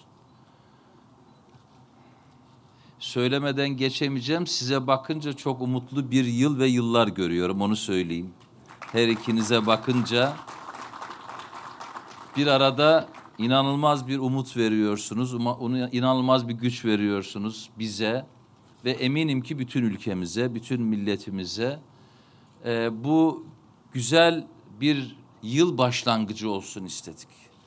Ve sizlerle bir arada bu değerli açılışı yapalım istedik. Çünkü e, İstanbul'umuza ve bütün milletimize aslında çok şey yapmamız gerektiğinin, çok iş yapmamız gerektiğinin, iş üretmemiz, insanlara istihdam ortamları yaratmamız, mutluluk yaratmamız, huzur yaratmamız gerektiğinin e, bir e, mesajını bu yılın ilk saatlerinde verelim istedik.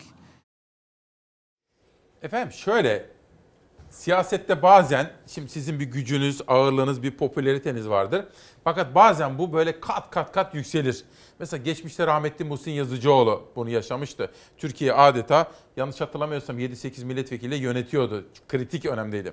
Şimdi Meral Akşener ve Meral Akşener'in İyi Partisi de çok kritik bir önemde. O kadar ki işte Ümit Özdağ üzerinden bir salvo ama karşıladı onu. Buğra Kavuncu üzerinden bir başkası. Yok yeni anayasa çalışmaları diye. Yani İyi Parti konusunda muazzam operasyonlar da çekiliyordu. Efendim ittifak ve Türk siyaseti. Şöyle baktığınızda ne olacak? Hani İmamoğlu diyor ya size baktığım zaman iyi şeyler görüyorum. Siz ne görüyorsunuz? Ben Türkiye'ye ve Türk milletine güveniyorum. E, Seçmenimize güveniyorum. Sağduyu, Anadolu'nun irfanına, Anadolu'nun ferasetine güveniyorum. Zaman zaman İyi Parti'nin özelliği şu, zaman zaman e, Türkiye'de değerler üzerinden e, sağlam kavgalar olur. Genellikle bu değerlerin öznesi kadındır. Kadın kadının giyimi kuşamıdır. Kadını, kadınların hayat tarzlarıdır. Ondan sonra adamlar kadınlar üzerinden birbirlerine laf eder, dövüşürler. Çok kolay oylar alırlar. Kutuplaşma olur. Mahalleler tahkim olur ve o mahallelerden birbirine geç geçirgenlik olmaz. Çok konforlu bir hayattır. Şimdi e, İyi Parti'nin kuruluşuyla birlikte bu o, iki mahallenin mahalleler arası o, düşmanlaştırma dilinin ortadan kaldırılacağına dair biz bir söz verdik ve makul siyaset yapacağımıza, makulün e, dili ve sesi olacağımızı söyledik. Buna da devam ediyoruz. Evet. Şimdi dolayısıyla bu Millet İttifakı'nı böyle görmek lazım. Şimdi gözümüzü kapatalım. İyi Parti kurulmamış olsaydı İstanbul, Ankara, e, işte Adana, Antalya Mersin. gibi, Muğla gibi e, büyük şehirler alınabilir miydi? Bu e, enerji, sinerji oluşabilir miydi? Şimdi birincisi bu.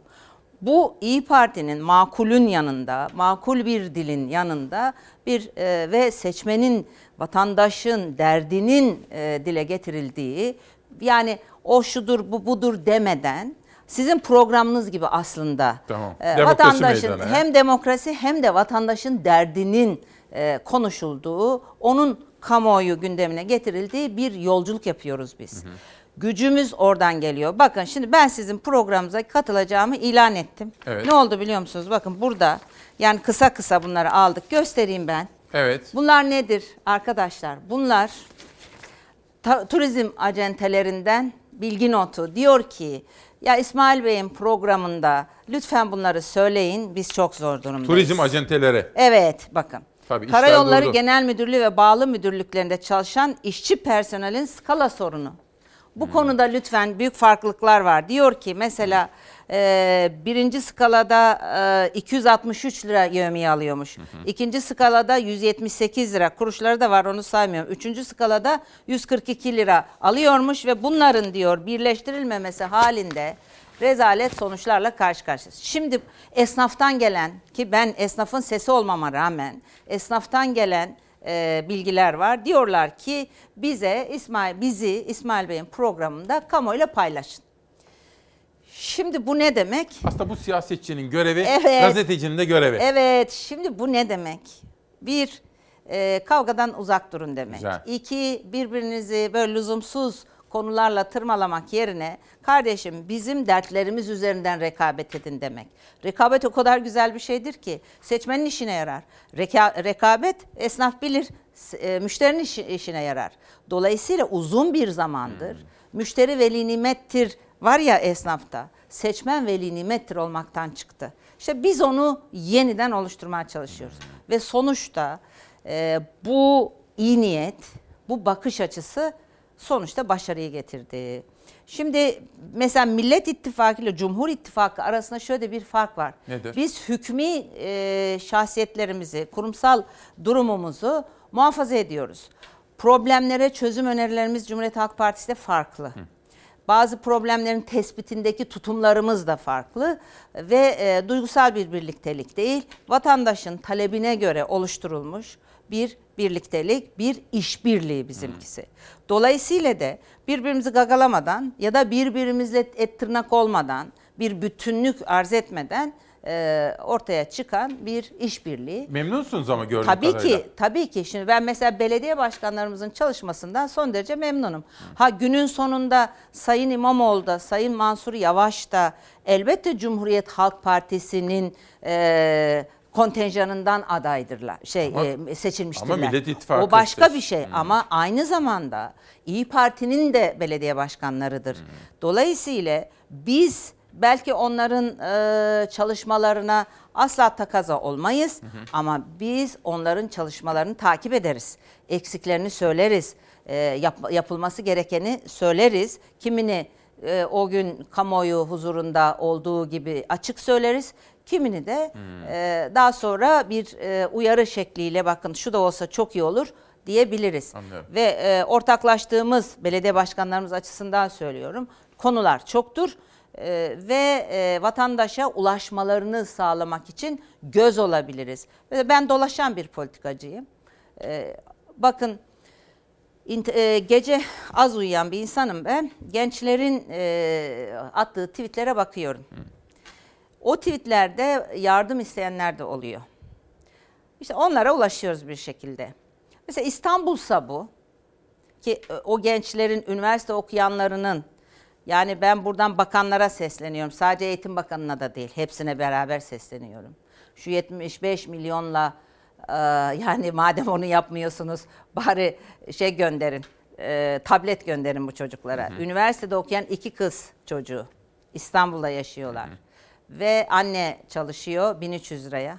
1300 ya da 1600 lira. Baba işsiz. Ve bu çocuklar okuyor üniversitede. Tabletleri yok, bilgisayarları yok.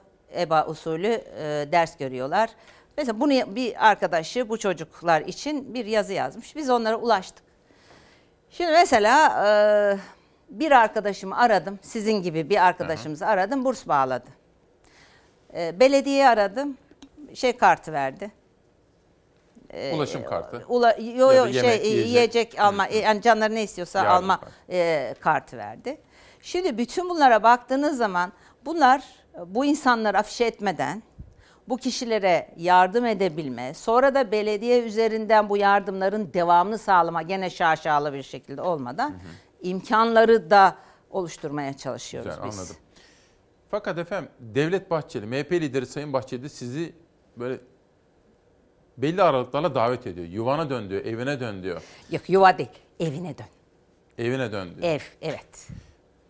Bu nasıl yorumlayacağız efendim biz? Ne diye, nasıl Valla Sayın Bahçeli'nin e, bu sözlerini ben e, yorumlayamıyorum. Fakat bir alışkanlık haline getirdi.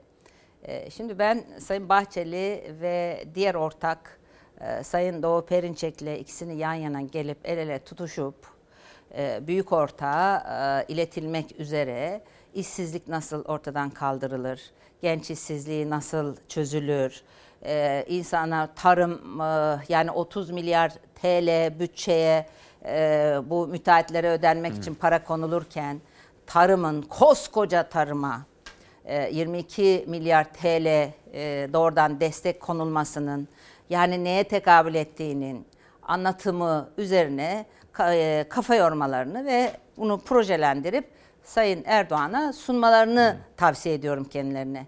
Ve e, bir şey daha söyleyeyim. Türk siyasetinde ayıptır bunlar. Gerçekten ayıptır. ayıp? Yani bir siyasi parti var ve o siyasi partinin genel başkanını siz canı sıkıldıkça eve davet ediyorsunuz. Bu ev soru işareti muhtemelen e, ve çok ayıp yani bu. Bir Hayır, kurumsal bir e, yapı var burada. Dolayısıyla onun genel başkanını davet ediyorsunuz. Ayıp.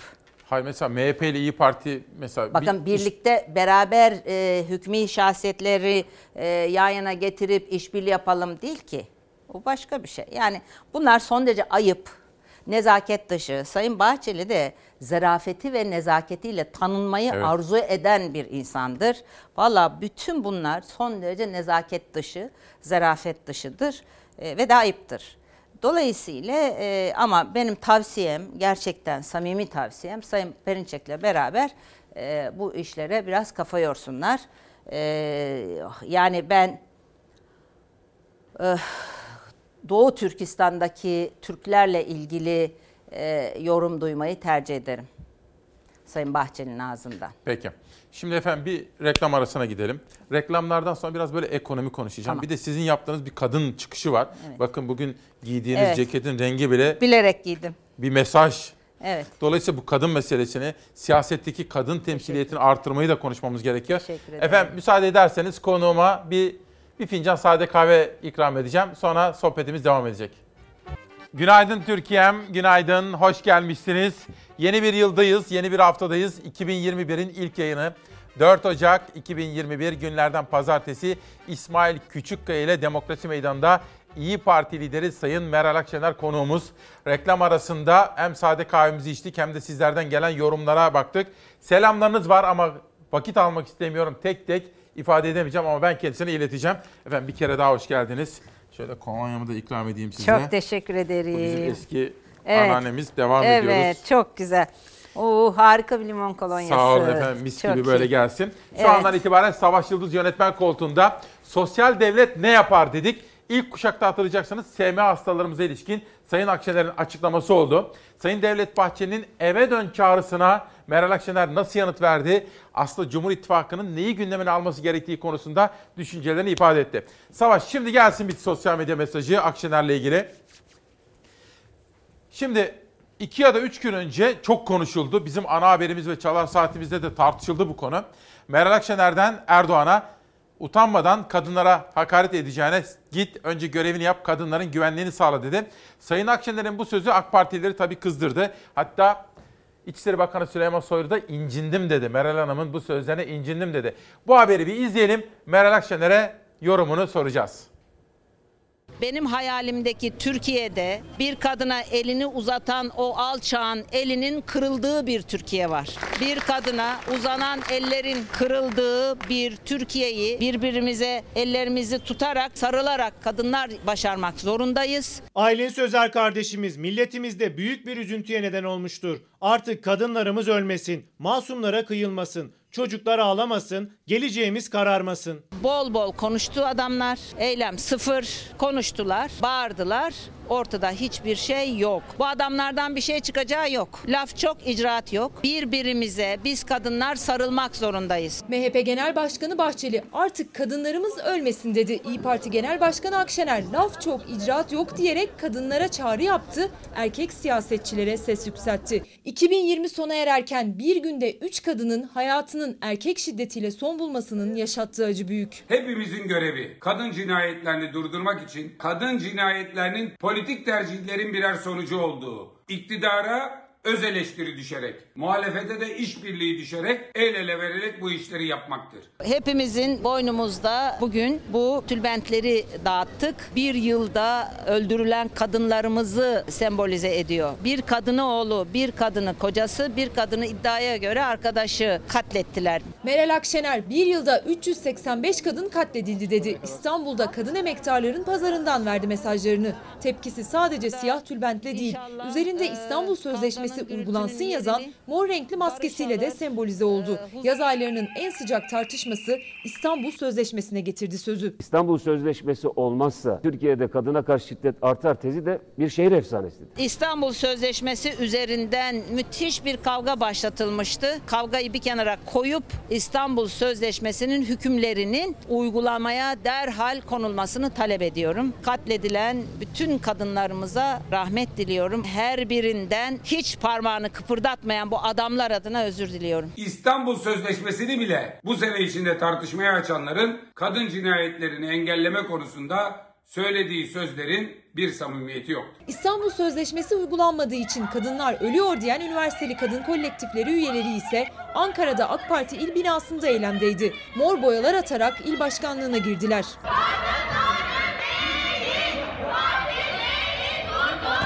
Gözaltına alınan 5 eylemci sonrasında serbest bırakıldı. İyi Parti lideri Sayın Akşener'e soralım. Durum bu. Sayın Soylu da sizin o sözlerinizden incinmiş, kırılmış yorumunuz. Şimdi e, Sayın Erdoğan'ın cuma namazı sık çıkışı cami avlusunda yaptığı bir konuşma üzerine bir tweet attım. Bir 21 yaşında bir genç kızın e, Cumhuriyet Halk Partisi'nde parti meclisi üyesi olmasını, başörtülü olması nedeniyle onu vitrin süsüne benzetti. 67 yaşında bir adam, şahsı Cumhurbaşkanı ve neredeyse torunu yaşındaki bir kız çocuğuna cuma çıkışı, cuma cemdir, toplanmadır, cami avlusunda, cami de aynısıdır ve orada bir kız çocuğunu 21 yaşında bir kız çocuğunu bir siyasi tercihte bulunmuş, bir siyasi partinin içinde yer almış bir kız çocuğunu siz hedef alırsanız o yaşınıza, o başınıza bakmadan ve onu vitrin süsü olmakla suçlarsanız insani bir tepkiyi Meral Akşener verir. O tweetin anlamı odur. Sayın Soylu buna bundan incineceğine, o tweetten incineceğine Sayın Soylu bir İçişleri Bakanı olarak yani Cuma günü bu sözlerin söylendiğinde çarşamba günü 3 kadının katledildiği, bir yılda 56 kadının katledildiği bir Türkiye'de İçişleri Bakanlığı sandalyesini işgal eden Sayın Soylu'nun şapkasını önüne koyup düşünmesi gerekir ve bu işi beceremiyorsa da hadi bakalım bana eyvallah deyip istifa edip gitmesi gerekir. Böyle bir şey olabilir mi? Yani patronuna kendini hatırlattı. Ona bir şey demiyorum. Onu onu hoş karşılıyorum. Ama görev sahibi bir şahsın görevini de yerine getirmesi lazım. Ben Sayın Erdoğan'a buradan aracılığınızla seslenmek isterim. Sayın Erdoğan, bu genç kızımızdan, bu bu 21 yaşındaki genç çocuktan onun gönlünü alın, açın bir telefon, gönlünü alın ve helallık isteyin.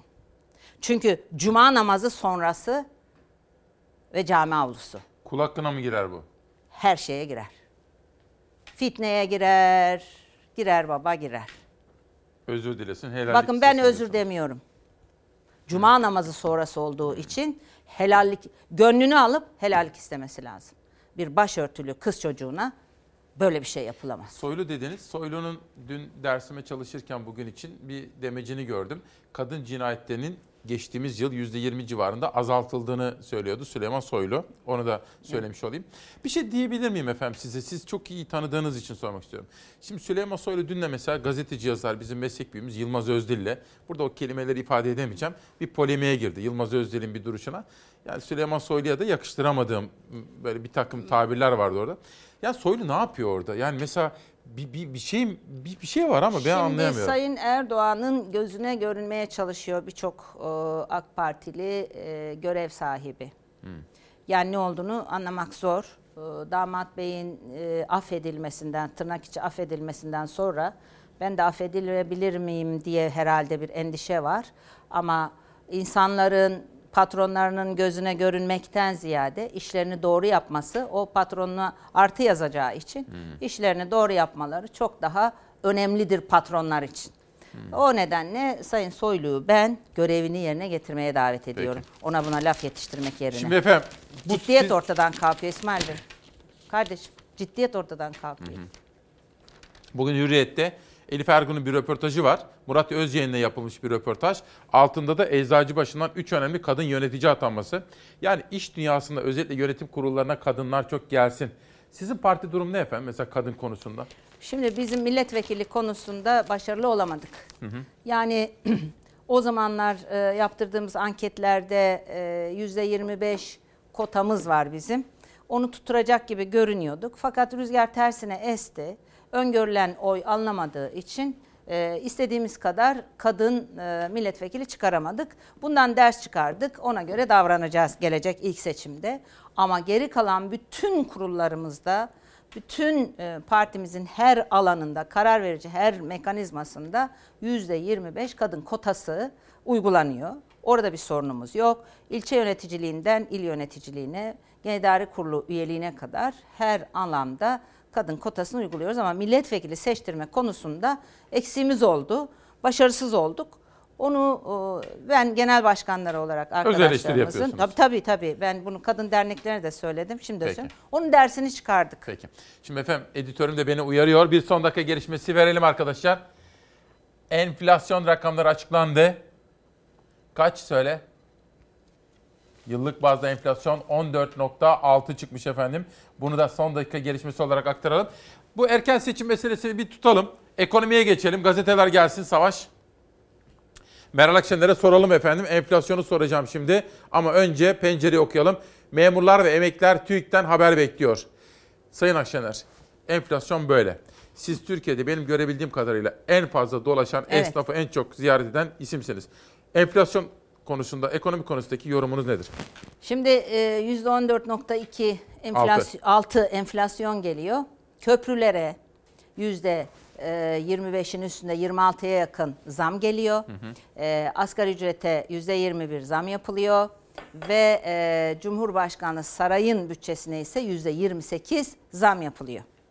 Şimdi bunu bir resim olarak e, sunalım. Diğer taraftan 30 milyar TL bütçeye bu müteahhitlere hani koy dediğimiz bu 5 müteahhite e, hani o zam yapılan köprülerin e, geçilmeyen köprülerin inilmeyen havalimanlarının e, o yapan müteahhitlere için 30 milyar TL para konuyor. Buna karşılık tarımda ki 2010'da 71 milyar dolar siz çok ilgilisiniz tarımla. Evet, evet. 71 milyar dolarlık tarım üretimi yapılırken bugün yapılan tarım e, üretimi 41 milyar dolar, 41-42 milyar dolar civarında. Yani aradaki farkı düşünün ve 22 milyar TL'lik bir para konuyor. E, yani %14'e göre baksak 2020'de konulan paranın aynısı. 2000 e, yani %14.6'lık enflasyona göre konsa artması gerekiyordu ama sıfır enflasyona göre yüzde 22 kondu. Şimdi biz e, em- belki ekonomiyi e, şeyden e, bu pandemi art esnaf üzerinden tanımlamamız lazım. E, bir diğer taraftan da asgari ücretten. Şimdi biz ben 20 Ocak 2020'den itibaren gezmeye başlamışım esnafla. Ondan sonra çok kırılgan bir ekonomiyle karşılaştık.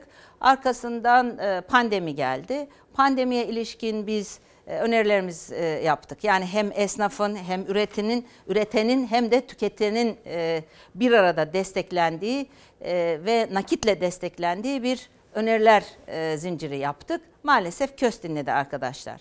Şimdi esnaflardan yoğun bir talep var. Diyorlar ki kepenk kapatıyoruz. Ee, Yani kuaföründen berber, erkek berberine, kafesinden lokantasına anlatamam size. Her bir kendinize de size Evet, de evet. geliyordur. Şimdi biz dedik ki e, aile başında ailelere kişi başı 500 lira para verin. Geliri olmayan ailelere. Onlar gitsin tüketsin. Şimdi şunu bir sanayici üretiyor. Bunu esnaf satıyor, birileri satın alıyor. Bunu satın alsın e, tüketici, esnaf da iş yapsın, sanayici de iş yapsın. Çalışan adam e, kişi başına 10 bin lira para verelim, verin dedik, verelim dedik. Velhasılı kelam e, hiçbiri yerine getirilmedi. Bir yıl boyunca e, faizsiz ve ödemesiz yardımlar yapılsın dedik, olmadı. Şimdi buna karşılık açılan paket neye gitti? 5 müteahhite gitti. Krediye gitti. İnsanlar yeniden borçlandırıldı. Bunu kapattık bir kenara. Şimdi herkes bir şey söylüyor. AK Parti'nin ilk zamanları çok başarılıydı diye.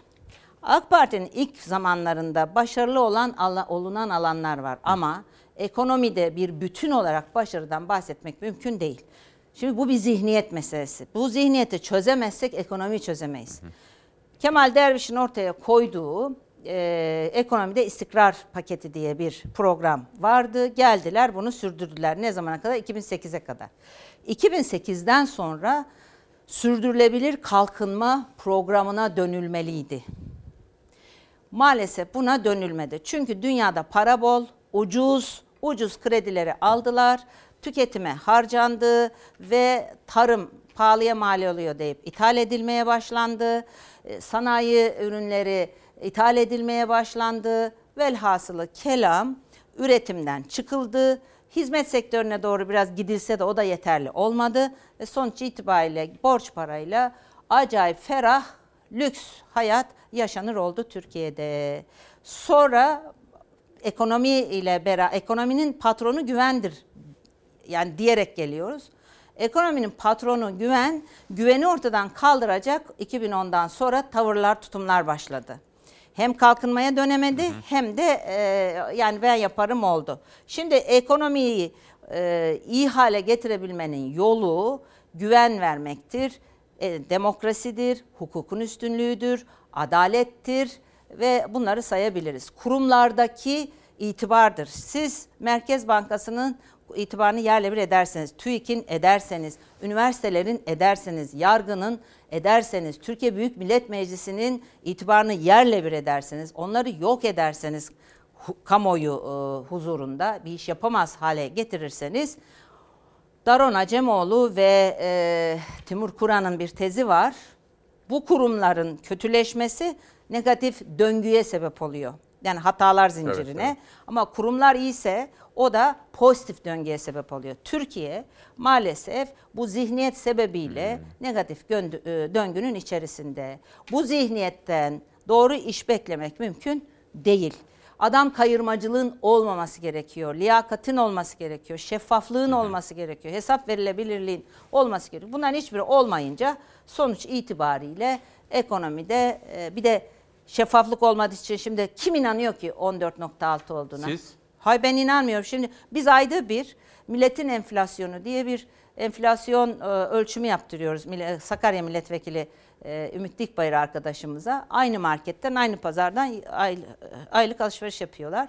E, Yani gıda enflasyonu yüzde 28. Ve hatta bu arkadaşlara biz önerdik dedik ki yani fakir fukaranın fakirin, dar gelirlinin enflasyonunu ayrı bir sepette ölçün.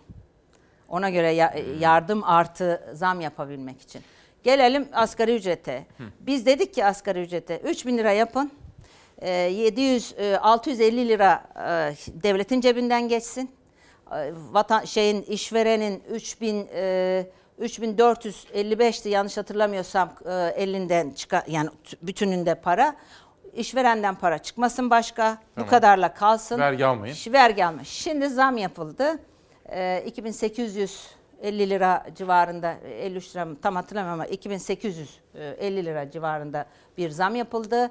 İşvereninki 4200 lira şey oldu. Yani 500 lira zam yapıldı. 750 lira işveren ekstra para ödeyecek. Şimdi ne olacak kardeşim? İşçi çıkarılacak. Şimdi ne olacak kardeşim? Ee, yani bu şey arttığı zaman tüketim gitmeyecek. Çünkü parasal e, bir genişleme yok. Ve e, insanlar iş bulamayacak, işten çıkarılacak, yeni iş bulacaklar, iş bulamayacak, daralacak, üretim daralacak. Halbuki 100 milyar lira bir e, harcama imkanı doğuyordu bizim bu dediğimizden. 1,5 milyonluk bir iş e, istihdam yaratılıyordu. 450 milyar TL'de e, bütçeye faydası Sayın oluyordu. Akşener az evvel verdik ya son dakika. Evet. Enflasyon yıllık bazda %14.6. Şimdi arkadaşlarım beni uyarıyor. Memur zammı kaç oldu arkadaşlar? %8. %7.36 memur zammı. Evet. Emekli. SSK Bağkur emeklisi de 8.36. Enflasyon bu zam bu efendim. Ne yapacağız? Aç kal diyorlar işte. Aç kal. Böyle bir şey olur mu? Devletin şimdi dönüyoruz sosyal devlet işine. E nasıl olacak? Şimdi siz 13 uçakla uçun. İtibardan tasarruf olmaz deyin. Kendi harcamalarınıza, sarayın harcamalarına %28 zam yapın. Genişletin.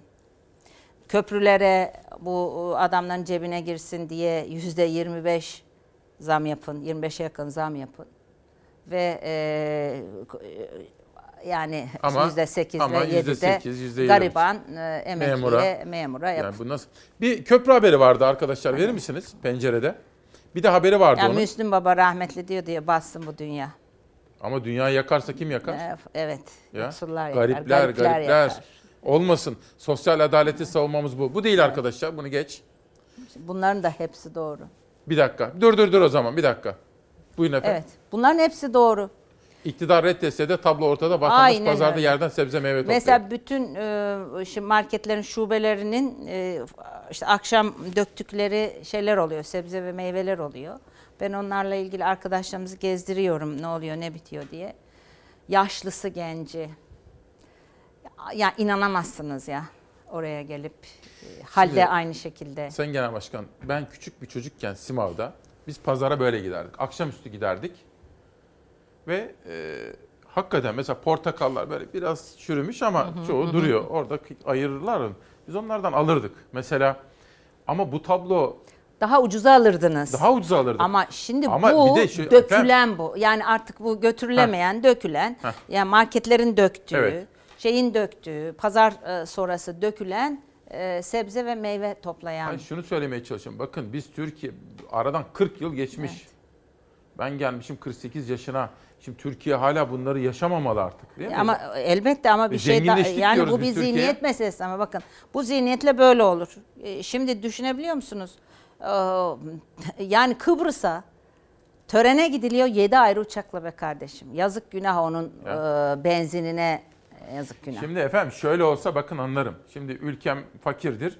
Valla kuru ekmek soğanla karnımızı Hep doyururuz. beraber ama Hep beraber, yöneticiler de yiyecek onu. Heh. Böyle Şimdi şey efendim, var. Ama bakın bu köprüleri yapan adamlara dolar bazında ödeniyor. İşte Tabii. siz sürekli gündeme getiriyorsunuz havaalanları. Evet. Uçağın inmeyen. Sizin Kütahya'daki Benim- havaalanında işte hepiniz ödüyorsunuz. Siz hep söylüyorsunuz efendim bakın ben memleketime hizmet olsun istemez miyim? Tabii. Ama böyle hizmet mi olur Zafer Havalimanı? Evet. Ben bakın Ankara'da 20 yıl yaşadım. Uçakla gider miyim? Yani özel uçak mı olsa gitmem oraya. Hani düşünün. Ya Kütahya işte Ankara'dan ben Kütahya evet. ilçe gezmelerine, ilçelerini gezmeye gittim. Gittik e, karayoluya tık tık tık, e, Hep gittik öyledir. geldik. İstanbul'da yaşıyorum İstanbul'dan da. Yani o neden yapılıyor efendim? Bir müteahhiti zengin ediyorlar. Cebe para Bakın koyma. burası. İki gün önce açıklanan zam köprü işletmecilerine 5 milyon avantaj sağladı. Savaş hazır, hazır mı haber?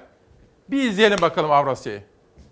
Avrasya Tüneli için 2020 yılında hazinenin verdiği araç geçiş garanti sayısı 23 milyon 813 bin 625. Geçen araç sayısı sadece 11 milyon 740 bin 343. Vatandaş geçmediği köprünün ücretini ödemeye, yoksullaşmaya devam ediyor. İstanbul'un iki kıtasını denizin altından birleştiren Avrasya Tüneli'nden 2020 yılında geçmeyen araç sayısı geçenden fazla oldu. Hazinenin kasasından çıkacak garanti ücreti ödemesi de netleşti. 48 milyon 293 bin dolar yani 388 milyon 44 bin 942 lira. Hem her yıl artan yüksek geçiş fiyatlarıyla hem de geçiş garantisiyle Avrasya Tüneli yıllardır tartışılıyor.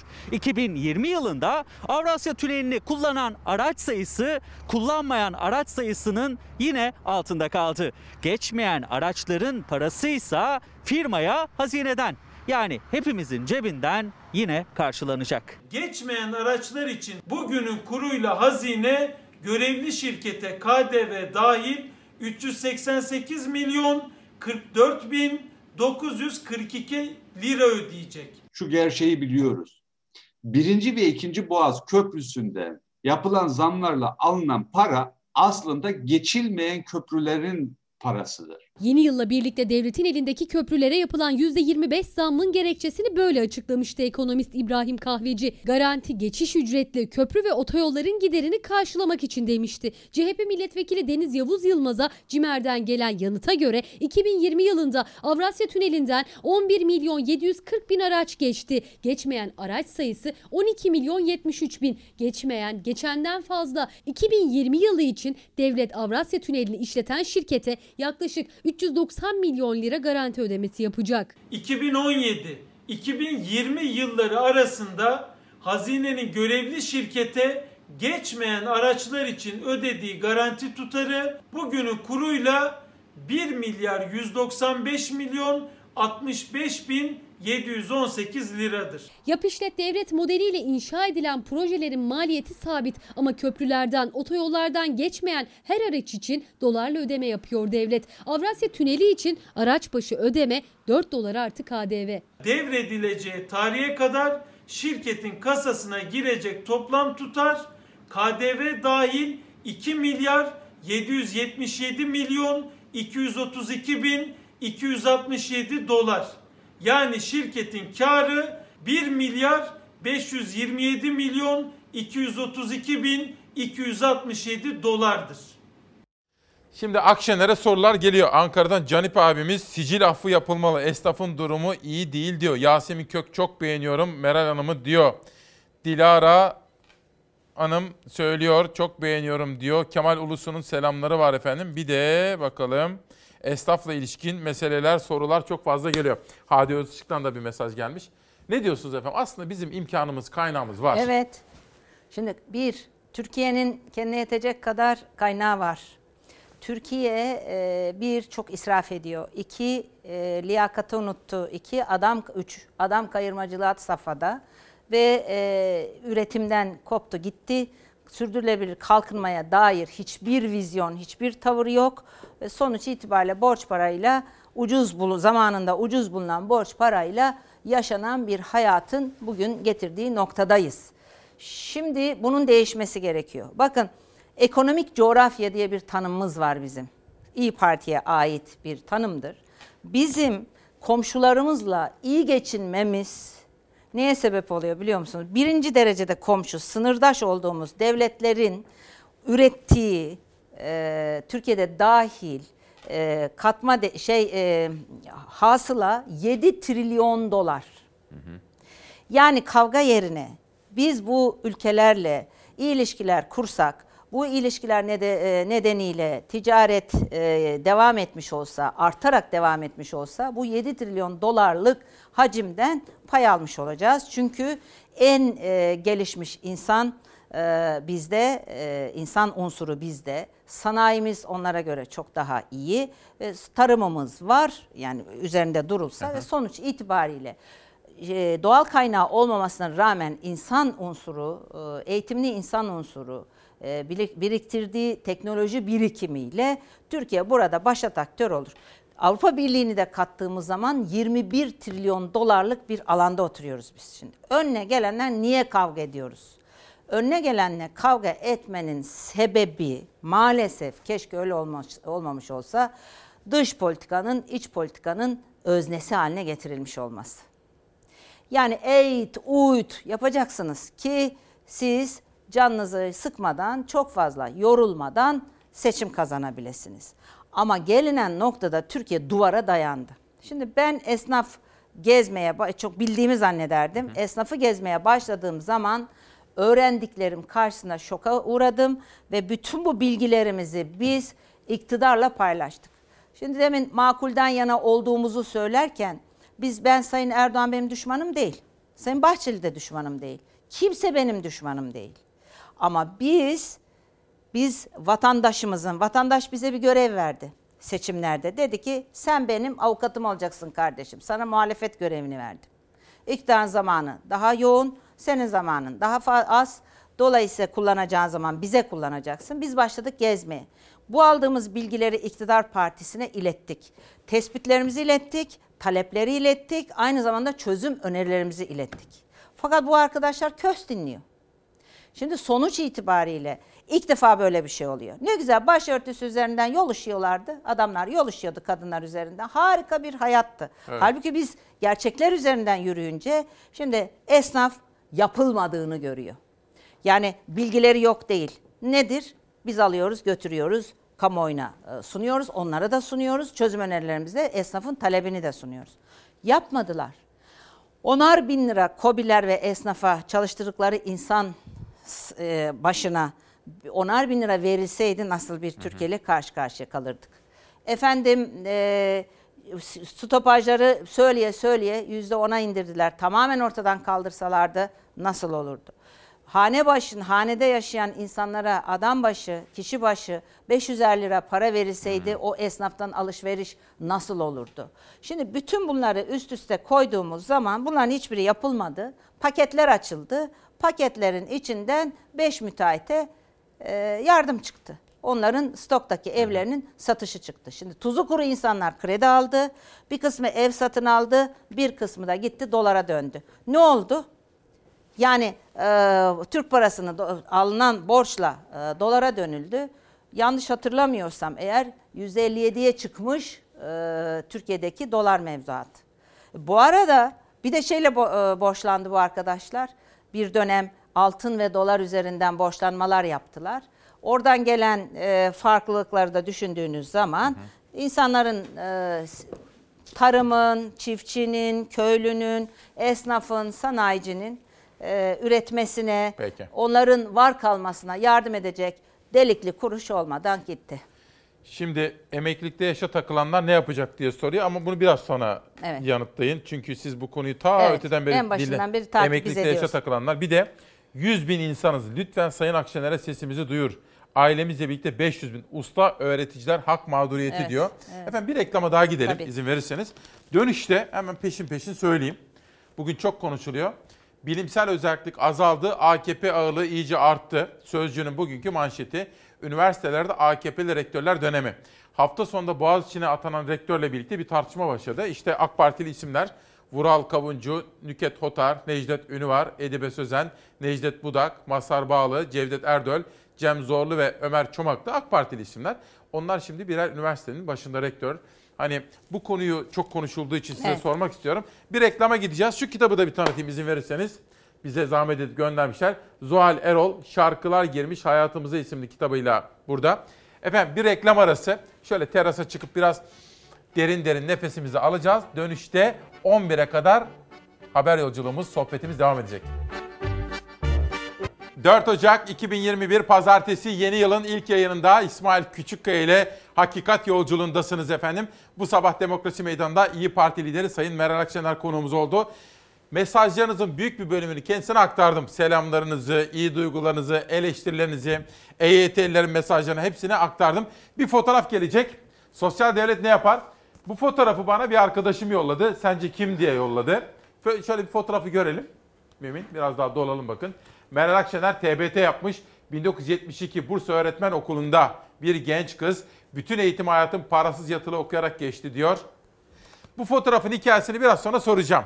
Ama önce Sözcü gazetesi bir gelsin. Sözcü gazetesinde hafta sonunda en çok konuşulan konu Boğaziçi Üniversitesi'ne yapılan rektör ataması. Bugün Sözcü gazetesi üniversitelerde AKP'li rektörler dönemi diyor. E tabi AK Parti 18. iktidar yılından 19. yılına doğru gidiyor. Savaş haber hazır mı? Haberi izleyelim. Meral Akşener'den yorum alacağız. Gerçekten burada birçok problem var. Türkiye'nin en iyi birkaç üniversitesinden bir tanesine ömrü AK Parti'de siyasi mücadeleyle geçmiş olan birinin rektör atanmasının izah edilebilecek bir tarafı yoktur. Boğaziçi'nin taraf olmadığı problemlere malzeme yapılması en çok Boğaziçi'ne zarar verir. Unutmayalım ki hepimiz aynı gemideyiz. İlçe başkanından Boğaziçi Üniversitesi'ne rektör yaptınız. Böyle bir şey olabilir mi ya? Bu üniversiteye, bu akademi dünyasına, bütün bilim adamlarına, öğretim üyelerine, Türk milletine, topluma saygısızlık demektir. Atama kararına tepkiler sürerken tartışmaların odağındaki isim Cumhurbaşkanı kararnamesiyle Boğaziçi Üniversitesi rektörü olarak atanan AK Parti teşkilatlarında görev yapmış, milletvekili aday adayı olmuş Profesör Doktor Melih Bulu'dan ilk açıklama geldi. Hepimiz aynı gemide izleyen rektör, atama kararına imza atan muhalefetin hedefindeki Cumhurbaşkanı Erdoğan'a teşekkür etti. AK Parti'nin kurucu ilçe başkanını, il yöneticisini, belediye başkan adayını, milletvekili adayını her yere aday gösterip seçtiremediği birini kendi yetkisiyle tek başına verdiği bir kararla Boğaziçi gibi bir üniversitenin rektörlüğüne atadı. Beni bu göreve layık gören Sayın Cumhurbaşkanımıza ve Sayın YÖK Başkanımıza içtenlikle teşekkür ediyorum. Ellerinde ciddi kadro kalmadı. Liyakatsiz kadroları da buralara atamak zorunda kalıyorlar. Bu şekilde yaptığınız zaman Türkiye'de ilk 500 arasında değil, ilk 1000 arasında bile sokacağınız üniversite kalmaz. Profesör Doktor Melih Bulu AK Parti Sarıyer İlçe Teşkilatı kurucularından 2015 seçimlerinde de İstanbul 1. Bölge Milletvekili aday adayı olmuştu. Boğaziçi Üniversitesi'ne 12 Eylül 1980 ihtilali sonrası kurum dışından atanan ilk rektör. Özgür araştırma alanları ve kültürel çalışmaların yükseltilmeye çalışıldığı alanlarda ise kayyum, antidemokratik bir kültürün tesis edilme çabasından başka bir şey değildir. Bizler Boğaziçi öğrencileri ve mezunları olarak saraydan yönetilen atama taktiğinin bu kültürü hiçe saydığını dile getirmek istiyoruz. Üniversitemizin akademik özelliğini, bilimsel özgürlüğünü ve demokratik değerlerini açıkça ihlal eden bu uygulamayı kabul etmiyoruz. Şimdi tekrar 12 Eylül vesayet dönemine döndük. Üniversiteler özerk olmalıdır. Ülkemizin özgür akademiye, özgür bilim insanlarına ve üretken öğrencilere ihtiyacı var. Bu özgürlük ve üretkenlik kayyum atamaları ile sağlanamaz. Muhalefet kayyum ataması diyerek tepki gösterirken Boğaziçi Üniversitesi öğretim üyeleri de Cumhurbaşkanlığı kararnamesiyle rektör atamasına karşı ses yükseltti. Aynı gemide izleyen Profesör Doktor Melih Buluysa Boğaziçi Üniversitesi öğrencilerine bana her ortamda ulaşabilirsiniz diyerek seslendi. Boğaziçi Üniversitesi'ni 4 yıl içinde dünyanın en iyi 100 üniversitesi arasına sokma sözü verdi. Sayın Akşener durum bu. Sizin yorumunuz ne olur? Bir kere bunu büyük bir şımarıklık olarak görüyorum. Sadece Boğaziçi Üniversitesi meselesi değil ki. Elçiliklere de aynı şey yapılıyor. Ve e, Monşer denildi denildi dış politikadaki e, o ta Osmanlı döneminden gelen 150-200 yıllık birikim, hafıza yok edildi. Aynı şey şimdi akademi için yapılıyor. Buradaki ayıp ve şımarıklık şu. Ben istersem olur. O gücü böyle kullanabilirim. Ruh hali bu. Ayıp kısmı bu. Şımarıklık ise yani bu benim. Şahsımın ülkesi, şahsımın üniversitesi, şahsımın her şeyi, şahsımın dışişleri, elçileri. Böyle bir şey olmaz. Şimdi Boğaziçi Üniversitesi gibi, teknik üniversite gibi, ben Yıldız Teknik Üniversitesi hocasıydım. Sonra Kocaeli Üniversitesi kurulduktan sonra bölündü. Ee, Kocaeli Üniversitesi hocası oldum. Şimdi e, e, Yıldız Teknik Üniversitesi gibi, ODTÜ gibi devletin e, Ankara Üniversitesi gibi, Gazi gibi, işte Atatürk Üniversitesi, Erzurum Atatürk Köklü Üniversitesi gibi. Yani bu böyle geleneği olan e, üniversiteler vardır. O üniversitelerde hoca olursunuz, asistan olursunuz. Orada kaldığınız zaman ilerlemeye gayret edersiniz ve profesör olduktan sonra acaba buranın bir fakültesinin dekanı ve işte bölüm başkanı, rektörü olabilir miyim diye bir hayal kurarsınız. Şimdi asıl yani bir bir de bu e, ayıplardan bir tanesi de şu. Bu Boğaziçi Üniversitesi'nde oranın rektörlüğüne layık hiçbir hoca yok mu? Benim hem yeğenim hem eşim Boğaziçi Üniversitesi mezunudur. Mesela Boğaziçi Üniversitesi mezunlarında e, arasında Sayın Davutoğlu da vardır. Şimdi ilginç olanı şudur. 80 öncesinde de Boğaziçi Üniversitesi e, ülkücünün de e, yani tırnak içi İslamcının da muhafazakarın da solcunun da ferah ferah okuduğu birbirinin kafasına sopayla vurulmayan hocaların e, sen şu görüştesin deyip sınıfta bırakmadığı bir okuldu. Şimdi bu geleneği siz işte ilçe kurucunuz, aday adayınız. Ya niye aday yapmadınız bu arkadaşı siz bu kadar değerliydi madem de? Niçin aday yapıp milletvekili seçtirmediniz bu birikimli, bu kaliteli arkadaşımızı bizim? Yani siz aday adaylığında bırakmışsınız, milletvekili adaylığı yapmamışsınız, milletvekili seçtirmemişsiniz. Boğaziçi Üniversitesi'ne rektör tayin ediyorsunuz. Ayıptır ya bu. Gerçekten ayıptır. Ben YÖK e, başkanını biraz daha e, bu konularda hassas kabul ederdim. Yani e, Sayın Yekta Öz Yekta Saraca da yani bu konulara direnç göstermediği için buradan e, dikkat çekmek isterim. Efendim bildiğimiz olaylar var. Telefon açıyorlar Böyle bir ona. şey yok yani. Yani söylüyorlar bir sürü olaylarda Yani başka böyle başka. bir şey yok. Böyle bir Çünkü şey yok. Artık Akademiyi yani sen kimsin kardeşim demek bu. O zaman demek ki e, bizim üniversitelerle ilgili bir iddiamız vesaire yok. Elçilikler de aynı. Yani Büyük ne kadar eski e, AK Parti siyasetçisi varsa Egemen Boş hepsi Pırak'ta mesela. Evet. Hafta sonunda Ozan Ceyhun'un fotoğrafı geldi. Evet.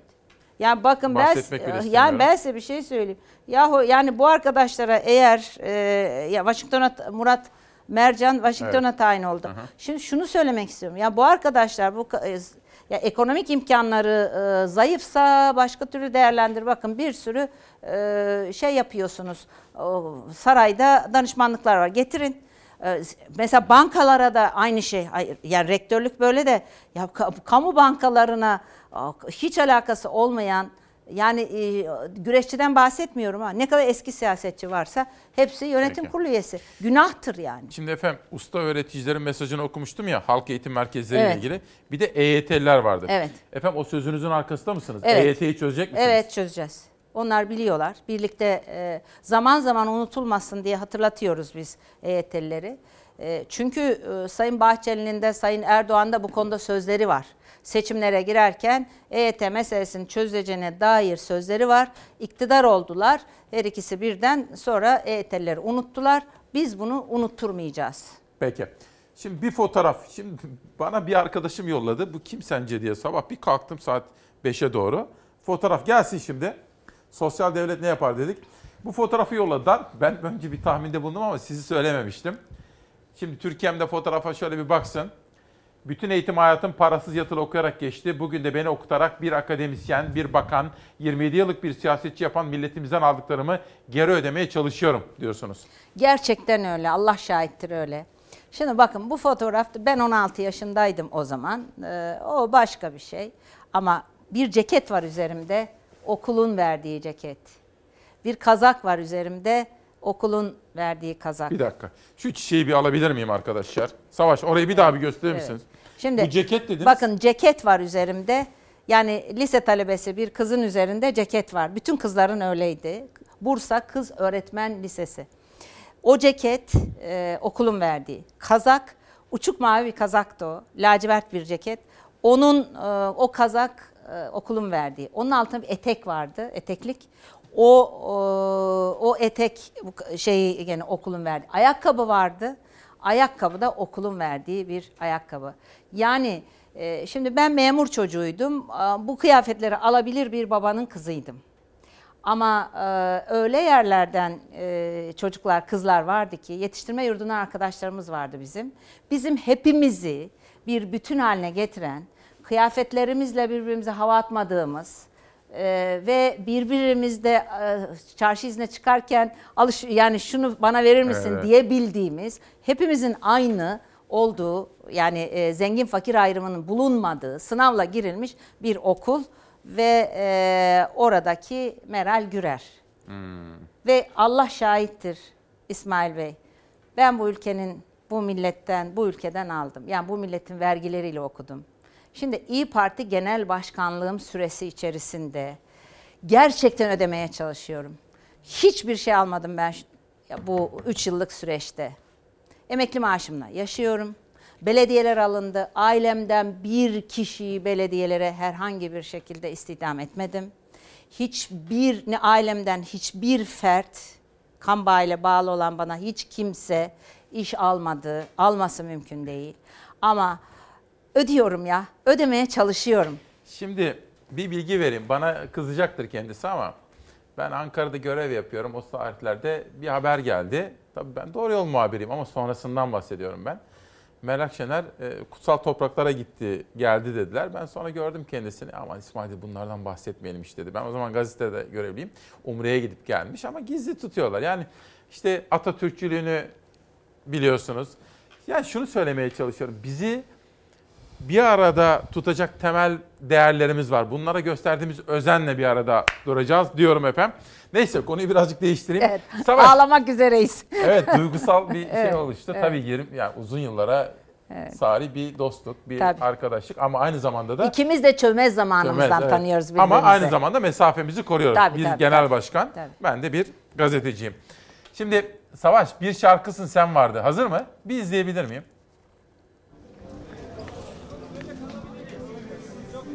Böyle kalalım, yerimizde kalalım. Bir şiirsin İlk şarkısın sen Ömür boyu sürecek Dudaklarında Yıllarca düşmeyecek Beraber söyleyelim mi? Bir şarkısın